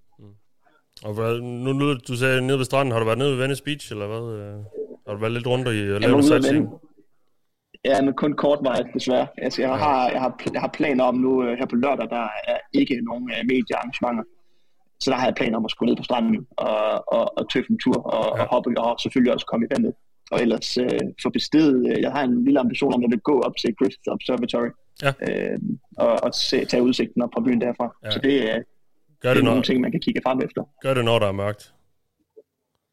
Det er fedt. Ja, for at kunne se udsigten. Ja, så Ja. ved jeg ikke, om man, du kan gå derop øh, sådan helt, men øh, udsigten deroppe Ja, er i hvert fald, øh, er i hvert fald ret fed. Øh, Ja. Og så ude ved, hvis du kører ud til Venice, så Abbot Kinney Boulevard kan også, øh, det, det er en meget hyggelig gade. Den ligger sådan lige et par blokke fra, øh, fra stranden, men den er sådan, øh, Fedt. den er sådan, det er sådan lidt øh, en øh, hipstergade. Men der er nogle ret øh, gode caféer og restauranter, hvis man lige skal have en bid brød eller et eller andet. Så øh, det kan jeg, det kan jeg anbefale. Det lyder skide godt. Ja, jamen øh, Nikolas, tak fordi du øh, ville fortælle lidt om, øh, om turen, og, og hvad, du, hvad du går og laver derovre. Vi, øh, vi er mange, der følger dig, og, og igen, hvis man ikke man allerede gør det, så gå ind og gør det ind på, øh, ja, på både Twitter, og, men også øh, ind på Gul Klud, alle de gode ting, du, du får lavet der. Um, og så øh, vil jeg bare ønske dig øh, rigtig god kamp, og, og nogle super fede dage, øh, de sidste, du har derovre. Hvornår flyver du egentlig hjem? Tusind tak skal du have, og jeg vil bare sige, at fornøjelsen har været på min side. Det, er en, Ja. det var en fed debut at lave i det ovale kontor. Ja. Det vil jeg gerne øh, også, kræ- også sige. Det, det håber jeg ikke er sidste gang.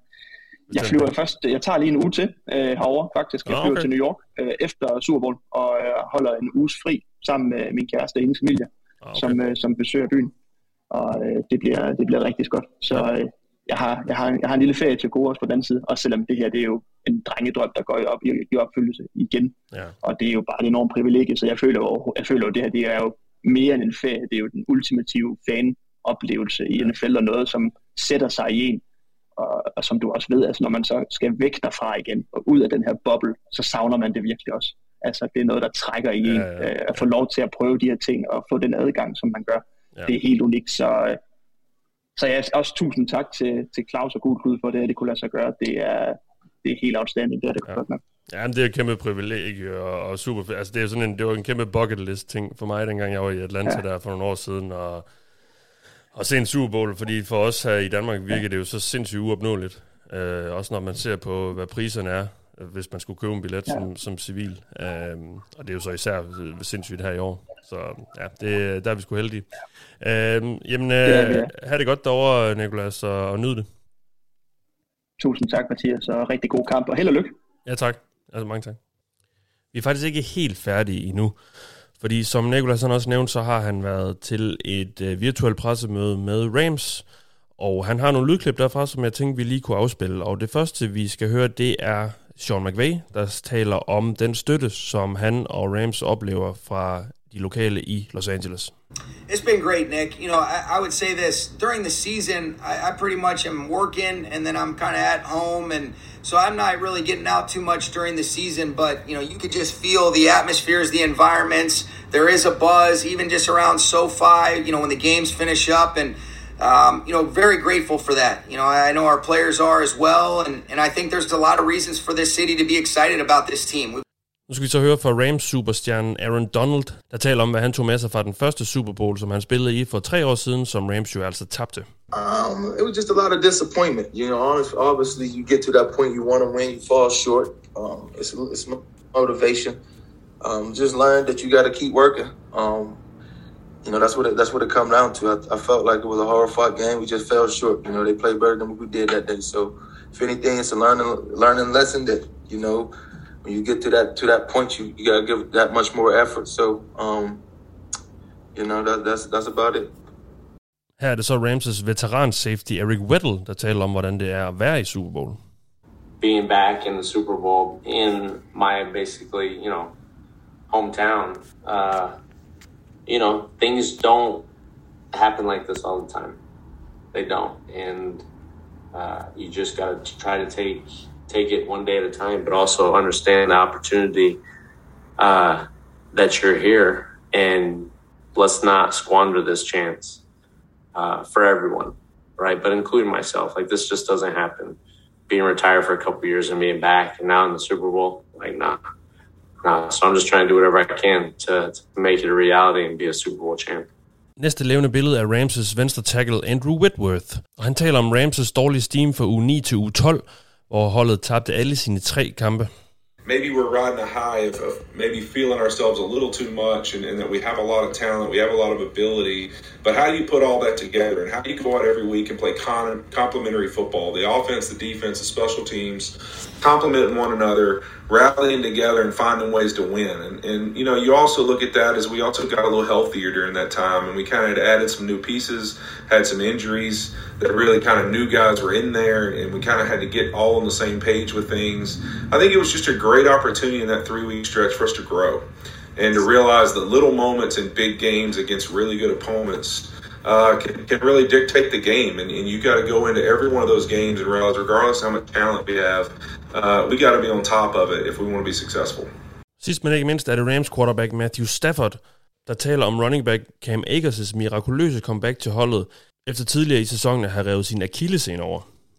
Uh, it's it's honestly probably I can't think of another injury comeback situation that I've ever been around that's even close. Um, what he's been able to do, you know, I remember getting the news that he that he tore his Achilles, you know, working out uh, right before training camp, basically, and and uh, was so sick for him. You know, I mean, obviously we were going to miss him as a player on our team. He's such a great young talent, but I was just sick for him and the fact that you know he's doing everything he can to work to be ready to go for a season, and and this you know unfortunate thing happens. Um, you know, just shot him a text and was like, "Man, uh, you know, it's all be good. You're, you're going to continue to work. I appreciate you. I know it's got to be tough, but uh, you know, let me know if I can, uh, you know, ever do anything for you." And I remember getting a text from him and really talking to him soon after he had his his surgery and started his rehab, and him telling me, "Hey, you guys make it to the playoffs, and I'll be back." And uh, you know, I just thought to myself, what a great mindset to have. There's no chance in hell that he's going to be back um, helping us out. And uh,